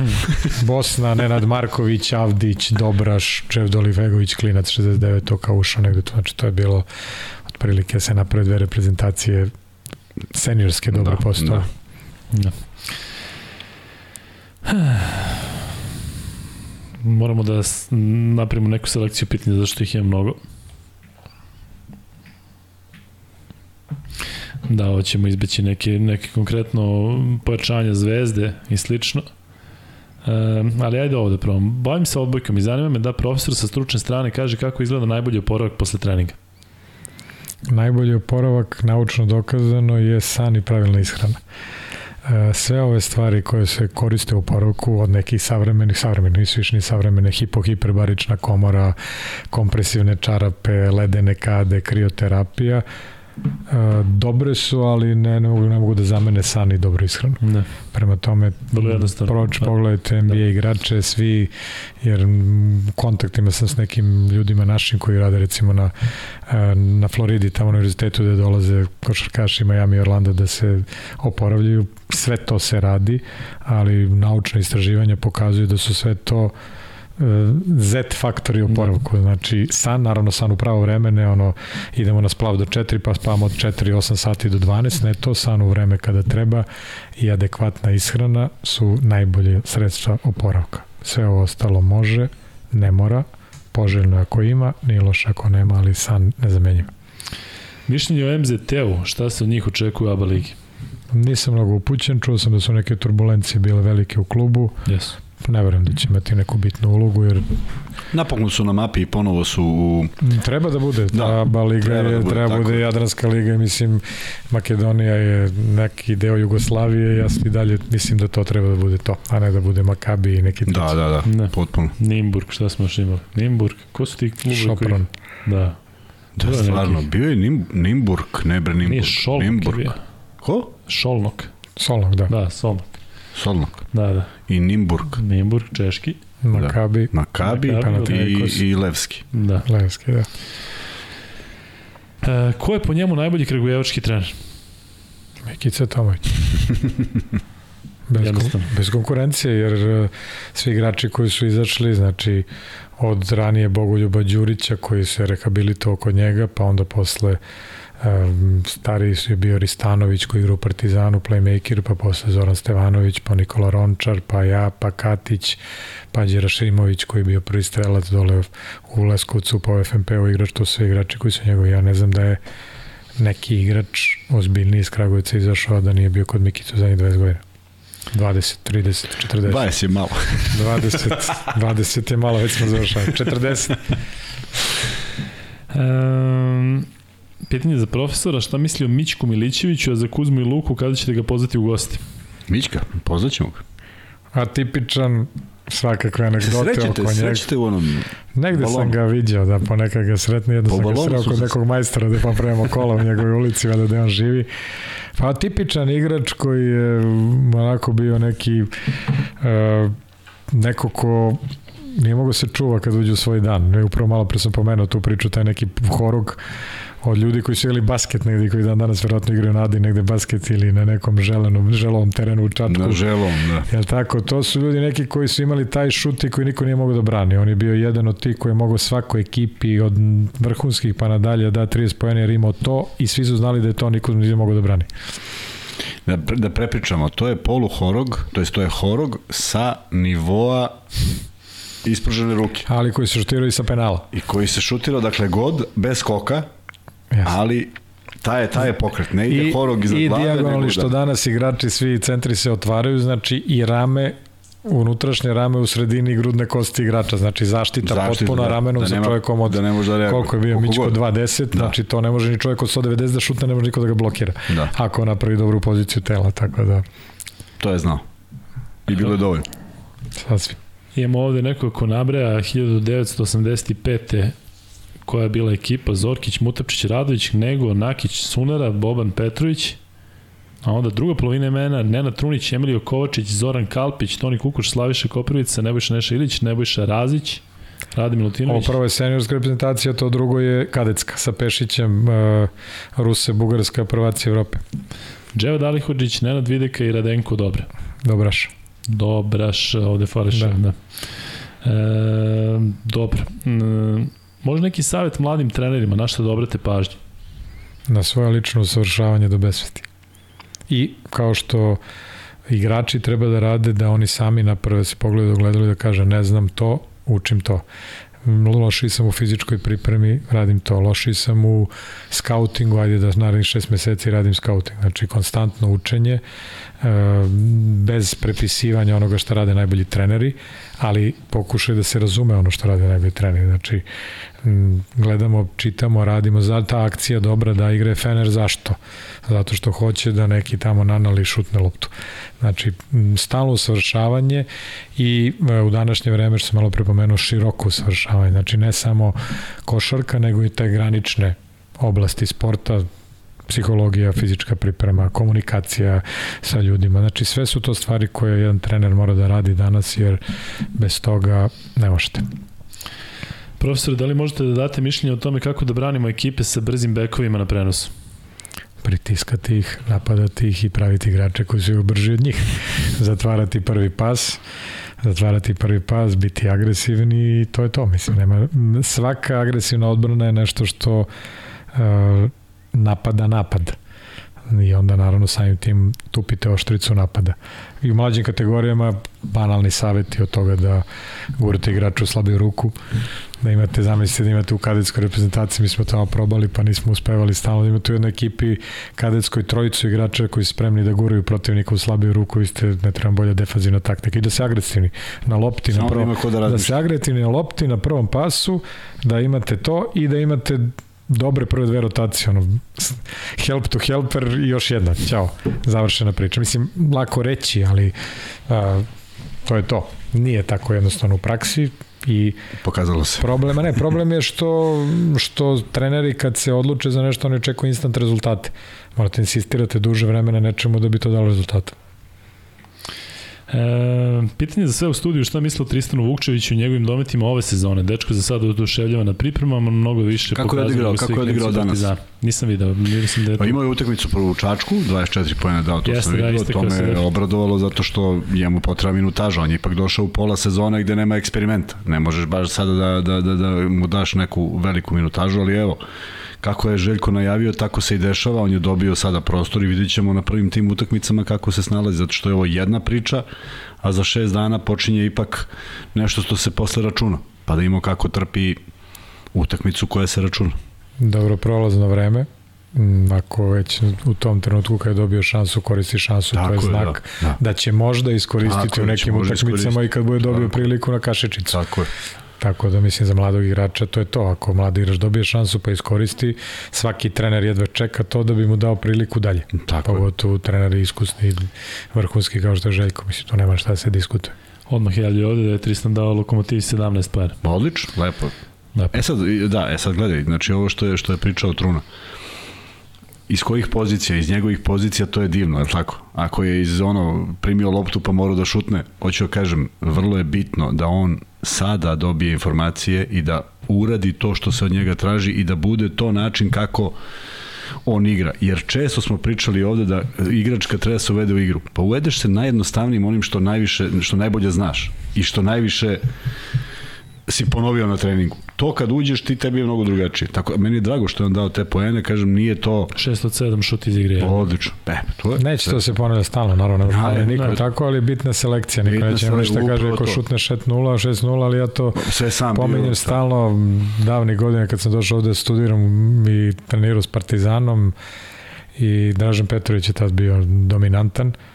Zagrevanje Dražana Petrovića je bilo prodor bez driblinga, prodor s jednim driblingom, šut bez driblinga, catch and shot, šut s jednim driblingom i onda ideš na trojku. I to traje po 4-5 minuta svaka. Znači, kao i to, igrač ulazi u utakmicu, e, danas igrači ulaze u utakmicu sa lošom selekcijom šuteva. Ulaze sa step backovima, ulaze sa šutima da, za tri, prvi šut, šut slobodna bacanja. Da. Bonus je, pa ajde da vidimo. Evo gledali smo danas, danas na Evropskom prvenstvu toliko je bilo situacija, opet kažem bez namere da pametujem, toliko je bilo situacija, ne mogu da se sjetim sada koje utakmice, da li baš Litvanija, Španija, Rešava se utakmica, Španija u bonusu, osam napada za redom što je trojku. Da, jeste, jeste. Od toga četiri trojke step back. Pa Bilo nemojte, ok, da. šutni trojku, ali nek bude drive and kick. Da, da, da. Nek bude prodor, pa iz tog trobora možda će šansa da napravi neko penal, pa vi ste Litvanci svi dobri šuteri, šutnite dva penala. To je mnogo, mnogo bitno da se nauče igrači. Jer to je taj, ta selekcija šuta koja je drastično poveća procenat drastično I tvoj učinak Naravno, tvoj učinak i, pa da. i uvođenje u utakmicu i, trenera koji te doživljava tako, pogotovo vidi za mladog igrača. Tako, mladi igrač otvorio, kako treba. izabere rešenja, Željko je milion puta za svojim najboljim igračima uvijek aplaudira kad je šuti iz dobre selekcije. Znači to je jasno, svi normalni treneri to tako rade. Ne želim mu sreću, ima potencijal, da, ima da, sve. sve ima, tako da li će telo moći da isprati, pozicija, jasno šta, da će u odbrani da zasluži minute napred, a onda napad, pomozi Bože, ali tako? Da, nekom, čini mi se da mu odgovara ta situacija da nije bilo toliko pompe oko njega kao recimo oko Balše, oko Smajlagića i oko ostalih. On je došao neko mirno i nekako nije ni mnogo igrao, pa su ljudi na njega zaboravili, verovatno sada ima i nekog i Došao, on je došao ipak u pola sezone. Pa, Jest. pa i, i odme je negde bila ograda da ne može da, da, da se tu sad ne znam šta... Da i mlađi je koliko, tri godine tako, mlađi, da, tako. 2003. I, tako, i, ne, tako da. I drugo, sad je, sad je ovo, sad je ovo ulazak u jednu Jest. novu sezonu gde on ima sav prostor da se, da se nametne. Koliko i da li će ova minutaža koju verovatno za 17 pojena sigurno igrao par minuta, nego igrao malo više, da li će to moći da nastavi, da li će to samo, samo ja, ja, ja sam ubeđen samo u jednu stvar, da Željko neće to da potroši. Dakle, nije dobro ni da uleti u celu Naravno. ovu priču naglo, bez obzira na ove poene sada. Dakle, to mora da bude jedno uvođenje da, što, da, da on zasluži, da zna zašto je na terenu danas 5, a sutra 10 minuta. Naravno, bit će to i da utakmica da bude... u Jadranskoj ligi koji će svi misliti da u startu će da igra 30, ako ne zasluži Željko ga neće pustiti. Neće, tako, je, tako je, nema šta misliš nego šta Mladi igrač mora da prođe Sve. Uvek, uvek je isto. To, to stoji uvek. Javlja ovde da nisu putovali Smajlagić, Evramović, Egzom i Glas. Tako je, pa da, pa očekivam. Bez njih. Da. E, koliko dnevno sati je posvećeno košaci kod vas i kod profesora? Mm, pa pričamo o nekom vremenu karijere ili... Ne, verovatno sad trenutno. Pa i sve živo. znači, ja mislim, to mi je posao. Ja sam srećan što eto, mogu posao na fakultetu, naravno, eto, danas sam izabran iz dekana fakulteta za sport na Zato smo te zvali. Da, da, da, da. zvali, da, ide to, je to, ali mislim ima tu obaveza torta ima ovde. drugih, ali, Vanja, daj tortu. ali, ali, je, ali kako smo krenuli, bit će burek izgleda ovo jutro jutarnji. Ima na burek, ima pekara Ja sam zaista srećan što i mislim da se to vidi kroz ono što radim, da radim ono što volim. I non stop. Ja sam, nisam neki zaluđenik u smislu da nemam drugi deo života, neki, ali uvek sam tu negde u glavi. Prvo zato što eto i na fakultetu, sam u sportu e, i kroz FIBU i stalno nešto mora da se pripremi da se radi. Ono, koliko sati dnevno, ne znam, ne Da. merim. Ali gledam sve, pratim sve i kad gledam euroligaške utakmice, uvek mi je tu neki tefter da nešto zapišem, vidim neki sideline, out of bond ili nešto tako što mi se sviđa, pogledam neke stvari što, što mislim treba mm, puno. Puno i to, i to dugo. Pitao Dugo sam- već traje. Ja Da. danas evo već 3 sata. Da. Da, kod mene 3 sata plus ove dve utakmice 7 sati. Ja, Minimum. mnogo, mnogo, mnogo ovaj, ovo što kaže Truna i ako to volimo, a volimo očigledno, ovaj, prosto imaš, eto, komunikacija s ovim ljudima vezano za košarku, praćenje rezultata najbanalnijih kada nemaš vremena da gledaš. Kad pogledaš nešto, ja kad vidim nešto na tebu, pa pogledam to, neću gledam neki drugi sport. I u suštini, a, to skupljanje informacija, ja prosto tako funkcionišem, znaš, možeš da stvoriš sliku o tome šta se desilo danas i da ne moraš baš da provedeš svo vreme sveta gledajući ovaj košarku, ali jeste sport koji smo voleli i e, opet mi je drago što postoji čovek koji je iz istih motiva počeo da trenira. Sigurno nisi počeo iz finanskih Ma, da. razloga, jer to nije A bilo gledajte, moguće. to što, to što pričamo sad, meni najbolja klinika trenerska na svetu bila jedno veče kad smo bili u Rigi, mislim, na tom FSSU i završili smo obaveze tamo, to je ozbiljni program da mi radimo tamo od, od 9 ujutru do pola 11 predavanja, pa onda idemo zajedno gledamo sa trenerima utakmice, pa onda analiziramo to sve i u pola 11 uveče Pablo Laso sova pored mene i kaže ne, dajmo malo prošetamo, ne mogu, ne spavam mi se. I mi odemo, krešno gremo po Rigi da šetamo pola 11 uveče i ostali smo do 5 ujutru. Pala kiša negde, mi negde ispod neke nastrešnice, ne možemo stignemo do hotela Pljusak i završili smo tako da smo u nekom kafiću pisali po e, salvetama kako da li bolje da ljulj izlazi u pick and roll s desna na levo i s leva na desno, kao je najbolji napad na zonu. Mislim, Pablo je jedan izuzetno normalan čovek i naravno veliki trener, zato su ga malo nameštali tamo u realu da ne nastavi to što radi, ali krenete pričati sad, ajmo, meni to važno, pošto nisam nisam trenirao ekipe takve nikad, i, ali mi znaš da je važno da im desa šta sam, da li to što ja nešto pričam svojim Da studentima, što smisla? mislim u Pa, svojoj glavi, da li ima smisla da istestirate, čekirate, vidite, radite i to su stvari koje, eto, da li ne znam zbog čega bi drugo bio do pet ujutru budan i pričao sa takvom energijom i strašću. Jednostavno, živiš to, radiš to i hvala Bogu, pa može i toga i da se žive, to ništa drugo. Evo ulazimo uskoro kada već govorimo o energiji i da brzo prođe vreme, uskoro ulazimo u četvrti sat podcasta, hoćemo lagano da privodimo kraju, a? Da, da. Nije valjda da je toliko prošlo. Da, da. Meni je stvarno da. proletelo, nisam ni gledao na sat, čim nisam ni pogledao, znači dobro. Da ispucamo još par pitanja. Koji je najtalentovaniji igrač sa kojim je radio ili igrao pre 2000. godine? Pre 2000-te, Da, iz nekog razloga je tako da. Toni Kukuč. E, da li aktivno bavljanje 3x3 basketom može da pomogne košarkašima? Sve može da pomogne. Ista lopta, isti koš, sve može da pomogne. Boga mi lopta A šestica. dobro, Da. ko, ko, se, ko zna, taj, Da. da. taj zna. E, preporuka za profesora, pošto pominje san kao bitan faktor za oporavak, knjiga Zašto spavamo, Matthew Walker. Hvala. Ja se više preporuka da ide da spava. Je li to Ali poruka, završavamo? da. E, preporuka jedna i tela Da. da. spavanje. Da je naslov zašto treba da, Da. da spavamo, onda možemo da da shvatimo da, završavamo. Da. Zašto svi žmuri i nikom ne smeta dovođenje stranaca u KLS ekipe i sve niže ispod ABA 1? Zar ne vide ljudi iz KSS da je budućnost u tome da se to zabrani? Kako vi ovo vidite? Pričali smo o tome već. Znači, Jesmo, da. ljudi, stranci koji dižu kvalitet domaći, kao dopunska selekcija, da, domaći vodeći igrači, to je nešto što bi ja volao da se A desi. naravno. E, dobro. Ono pitanje Da, je pa bilo. moram da preskačemo ovde pitanje, tako da... E, I onda meni šalju, Da, zašto Luka stranac. nije pročitao moje pitanje? Da. I ja onda do 4 ujutru odgovaram na pitanje. Evo interesantnog nečega, e, da se prokomentariše suđenje na Evropskom prvenstvu, a mi smo pričali pred početkom E, da, to sam kako, se, tako. e, kako FIBA radi na tome da se suđenje poboljša. Pa, e, ono što ja znam, znači, suđenje je bilo loše, bilo je ve, bio veliki broj grešaka, bilo je ekipa koje su i oštećene, imali smo Litvaniju, Imali smo Belgiju koja je protiv Slovenije drastično oštećena. To su činjenice, bilo je još nekih utakmica, sada se ne vraćam. Ali ajde da okrenemo to na pozitivne stvari na priču. Sticamo okolnosti, gospodin Davori Nakić, bivši sudija ex Juge, koji je glavni u FIBI za suđenje, je odgovoran i ne možete verati koliko se radi sa sudijama tamo. Ja nisam uključen u to, čak jedne godine sam imao neku opciju, on mi je ponudio da vodim računa o fizičkoj pripremi sudije, jer oni imaju prati se pulsmetar, prate se, pulsmetrom se prave, prati njihova frekvencija, između ostalog i na bazi toga se biraju igrači koji, sudije koji će da sude. Pokrenuli su čak i neku priču psiholoških priprema sudija najboljih, međutim, naravno najbolje sudije su u Euroligi.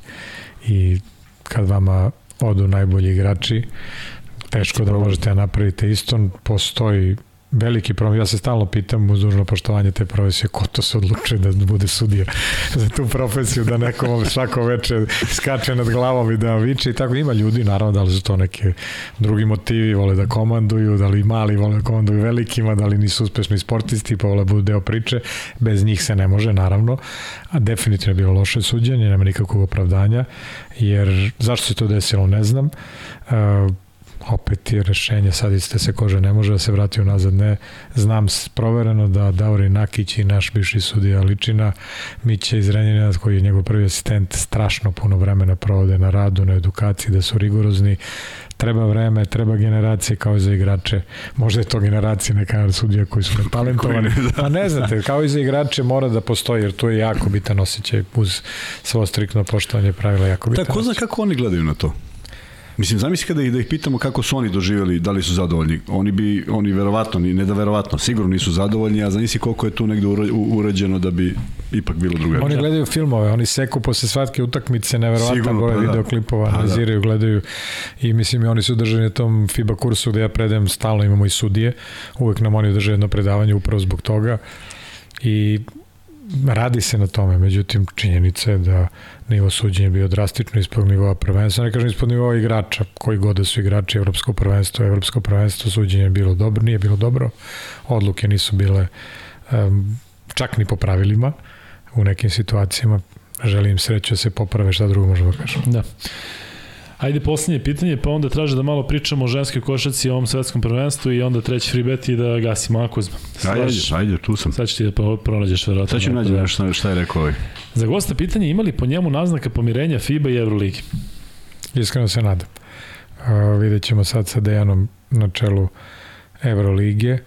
Um, neku anamnezu stanja, znam šta je bilo ranije, pričali su mi ljudi tamo iz Fibe, pošto već deseta godina tamo radim, nisam uključen u te odluke, ali ja to interesovao sam se pa sam pitao malo. Uh, nadam se jer zaista košarka trpi košarka trpi, reprezentacija bez najboljih igrača nije reprezentacija, kao što nisu ni najbolji klubovi bez tih.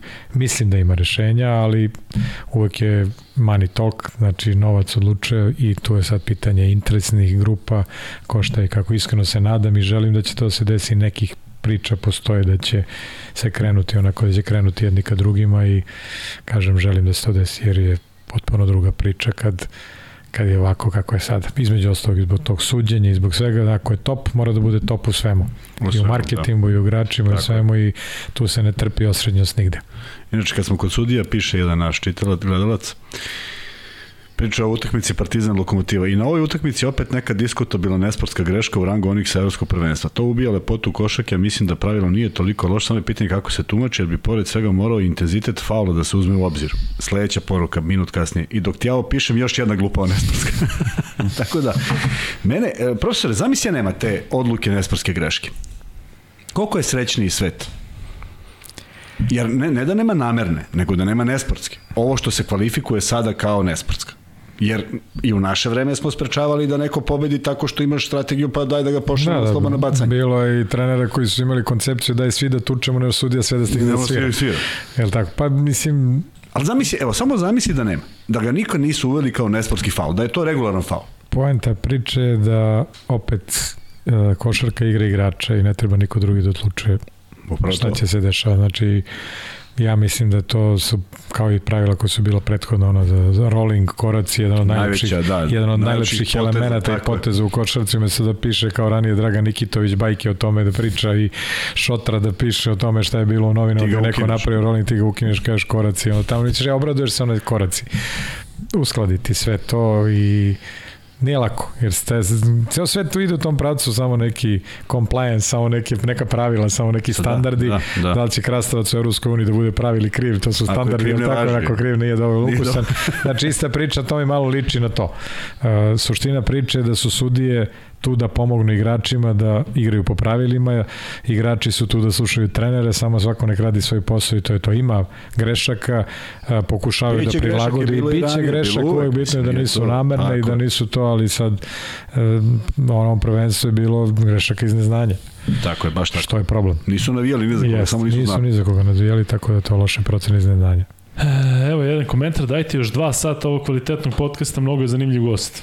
Malo teže. Gde živiš, šta ćemo, Vanja, da, samo gde Vanja živiš, šta ćemo da kažemo. Truni? Hvala, hvala lepo. Da. Bilo još takvih e, komentara, ajde da ispucamo treći free bet nismo? i umeđu vremenu da, nismo, nismo, piše ovde ljudi, nismo, nismo, Vanja, tako dva.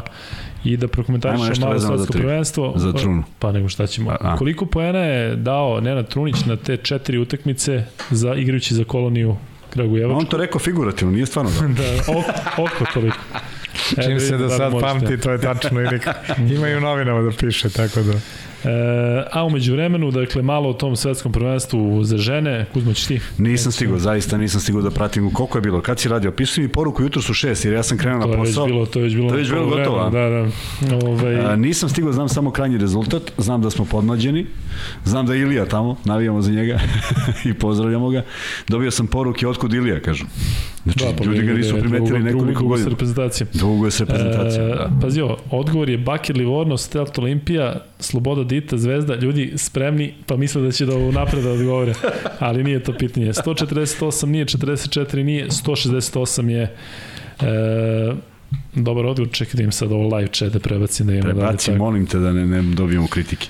E, Ne volim kritike kad dobijem. Vuk Grbić, Vuče, znaš sve. Pazi, Vuk Grbić koji je odgovorio 148, Pa se seti. pa 44, pa 168. I sve poslao pre nekog drugog. Da. Ništa, Vuče, znaš koja je procedura. Ako neko zna, znaš ti, šalješ na Luka i Kuzma Instagram. Što se tiče devojaka koje su u Australiji, ono protiv Kanadžanki je bilo onako, solidno, ne više od toga. Kanadžanke imaju mnogo iskusniji tim i mnogo su jače na, na centru. A ovo protiv Japana možda bude još problematičnije zato što su Japanke kvalitetniji tim od Kanade, doduše to je malo drugačiji tim u odnosu na oni koji je bio u finalu olimpijskih igara. Ima čak dve igračice koje su bile na olimpijskim igrama, ali su igrale 3x3, to su Mavuli i Yamamoto. Tako da, daj Bože da se to pobedi, ali teško. Srbija ima bolji tim od eh, Malija, međutim mora da se dobije još jedan meč u ovoj grupi zato što je šest u svakoj grupi, a četiri ide u četvrt finale, tako da sve u svemu mora Težak da se iznenadi ili Japan ili Francuska ili Australija u nadi da, da će to biti dovoljno uz tu eventualnu pobedu protiv Malija, s tim što te Afrikanke uopšte nisu lo- loše, nisu toliko loše kao što ljudi misle. Tako da imajte strpljenje za ovu reprezentaciju zato što je prilično podmlađena, tu su samo dve, tri te iskusnije igračice, Neven Jovanović, Tina Krajišnik i još ne znam koliko imaju onaj kontinuitet igranja za reprezentaciju, ali Kad igramo samo sledeću? strpljenje. Pa u pet ujutru protiv Japana. Radiš? Ne, radim posle uh, Francusku, Australiju i uh, još nešto, ali Kina ima fantastičan tim. Ne možda veruješ, kineski imaju 2.05, jednu Shuhan i ovu drugu u Da, Jurali. da su danas pobedile nešto... Ne, da, to 60 je razlike. 63 razlike. Ne, pa 63 njih čak znam od ranije, ona igra u WNBA ligi, ali ne možda veruješ kakvu koordinaciju pokreta imaju te dve devike. Jedna 2.05, druga 2.00. Pritom 2.00 ima jedno 100 kila. Njima je trudno da slava program za... Kažu motoriku. ljudi da je poznata je to priča, valjda da je Yao Ming bio državni projekat, da su od, od, od, od, odlučili sami ko će budu mama i tata, pa pomoli se, pomoli se Bogu da to tako bude. Ali ovaj, kinezi s kojima smo mi pričali nisu baš Nisu. sigurni on. Ekonomski priraštaj Yao Minga veći nego pola zemalja na svetu. Kad, tako. kad sam upoznao Đan Luku Paskućija koji je radio za Houston, a ovaj potpisao, ja kažem koliko je bio dobar potez, kaže nenormalno dobar potez, Da. potez potpisivanja Omiga. Najbolji, da. Na stranu što je bio odličan igrač, ali kaže sam potez po sebi marketinški je Zakon velikih brojeva. Tako tako. Znaš da je Charles Barkley uh, rekao da ako Yao Ming napravi neku karijeru, se toga Vanja? Da će da poljubi magarca da, da, pozadi, pa su mu dovodili pa magarca. jesu. A, da A, dovedemo tako a nešto, Šek je. Šek je rekao Kaže, nekoliko godina nisam pričao s Yao Mingom. A onda on kaže, ej, gde si, brate? On kaže, Da. priča engleski. Da. Kao pa što nisi, što mi, što nisam znao da pričaš, kaže pa nikad nisam, Pa pa nikad nikad, nisam da Kad vratio. nisi ni pričao, da. Da, dobro. E, momci, to je to. E, Nenade, ja prvo da se zahvalim, posle će Kum, Kuzma, zaista je bilo Kuzma. prijatno. Hvala vama što Nadam ste me se da je zvali. bilo obostrano, e, puno pitanja, vrlo interesantnih tema, nekako porede ljudi ovaj, ovaj podcast porede oni kada je bio Lukman gde smo uspeli da onako neočekivano uhvatimo onako dosta, dosta tema i kvalitet e, ovog podcasta su ti gledalci koji zaista šalju ta neka pitanja koja imaju smisla, pa čak i ponekad tako privatno šta se dešavalo tamo ili vamo, tako da e, zaista je meni bilo super. E, Kuzma, ti si Tražili stvorio- smo neki kontekst da te, da te, da te pozovemo, nikako se nije poklapalo s nekim dešavanjima, onda sam shvatio da nisi više u stručnom štabu, pa je tek onda malo bilo nezgodno, ali ovaj, e, želeo sam da dođeš u ponedjak zato što bi nam se sve nadovezalo na evropsko prvenstvo, međutim, mnogo mi je drago što si došao i danas, nisam sumnjao da će priča, priča ići u ovakvom pravcu. S druge strane, zaista, od kad sam objavio, rekao sam ti neverovatno pozitivne reakcije ljudi, što me obradovalo, mada manje više e, kada, kada pozovemo goste uvek bude tako, ali donosiš jednu novu priču koju do sad nismo imali, vrlo sličan tebi ovo što kaže Lukman, jer daje potpuno jednu e, sa drugo, iz drugačije Google gleda celu priču i ti kao navijač ne vidiš šta radi kondicioni trener, tako i tebe manje poznaju, pa mi je zato drago što si izneo sve ovo što si izneo i u onu maniru u kojoj mi radimo ovaj podcast, a to je da bude afirmativno i, i da bude da, da, da i dalje volimo košarku koju znamo. Hvala vama, naravno i hvala ljudima koji prate, nije lako pratiti sedeti ovde sa nama tri sata, Bilo- ali uvek je, uvek je zadovoljstvo da se priča o nekim temama koje su na relaksiran način, čak i u temama koje su malo teže. znači je. treba naći za, za svaku priču sagovornika, treba naći argumente i valjda smo rekli nešto što ima smisla i što će ljudima malo otvoriti neke odgovore Ja na pitanja da koje su jesmo. postavili, a možda je to tako pod, pokrenuti neke novi, nove ideje šta i kako treba da se radi, jer uvijek je pitanje osim ovog vremena koje smo proveli zajedno, šta, šta posle, šta ide dalje. Šta posle? tako, Pa nadam znači, se, znaš, uvek bude reakcija i nešto se dešava i vidim da ljudi pričaju o tome i nešto stvarno može i da se pokrene, jer sve ovo što pričamo, ne pričamo da bismo mi bili pametni ovde šta pričamo, nego su to stvari u koje verujemo i mislim da negde može da da u nekom momentu i neki Naravno, rezultat. i što se veruje, a i ono što, što kaže se pogled, svako posmatra iz svog nekog ugla, nije uvek ista vizura sokola i žabe i nikad neće biti, tako da mislim košarka je tu, mi smo tu zbog toga i neki je ovo neki mali doprinos celo toj Upravo priči, to. pa smo onda uspeli svi zajedno, tako. Nenade, hvala puno još jednom. Kuzma, ti i ja nastavljamo dalje. Ponedeljak, e, sad već je redovan termin 21 Ponedjeljak u čas. 21 čas, Biće, ne znamo biće još, vidjet ćemo šta Biće ćemo, dosta da, za biće. priču FNP, Tako Partizan će završiti u Superkupu. Zvezda ćemo- igra neki turnir protiv Olimpijakosa. Tako je, i najavljujemo I to je koji datum? 23, Šest 4, ponedeljak. 5, 26, pa da, Tako je. znači petak već su prve utakmice. Da, Odlično. tako da dobro se potrefilo. Možda ćemo imati nekog gosta.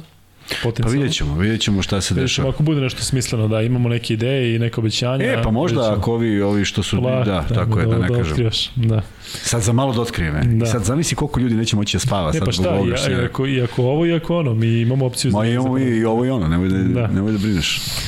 Tako da, u suštini to je to. Hvala što ste bili sa nama. Hvala. Broj 77. Hvala svima. Vidimo se u 78.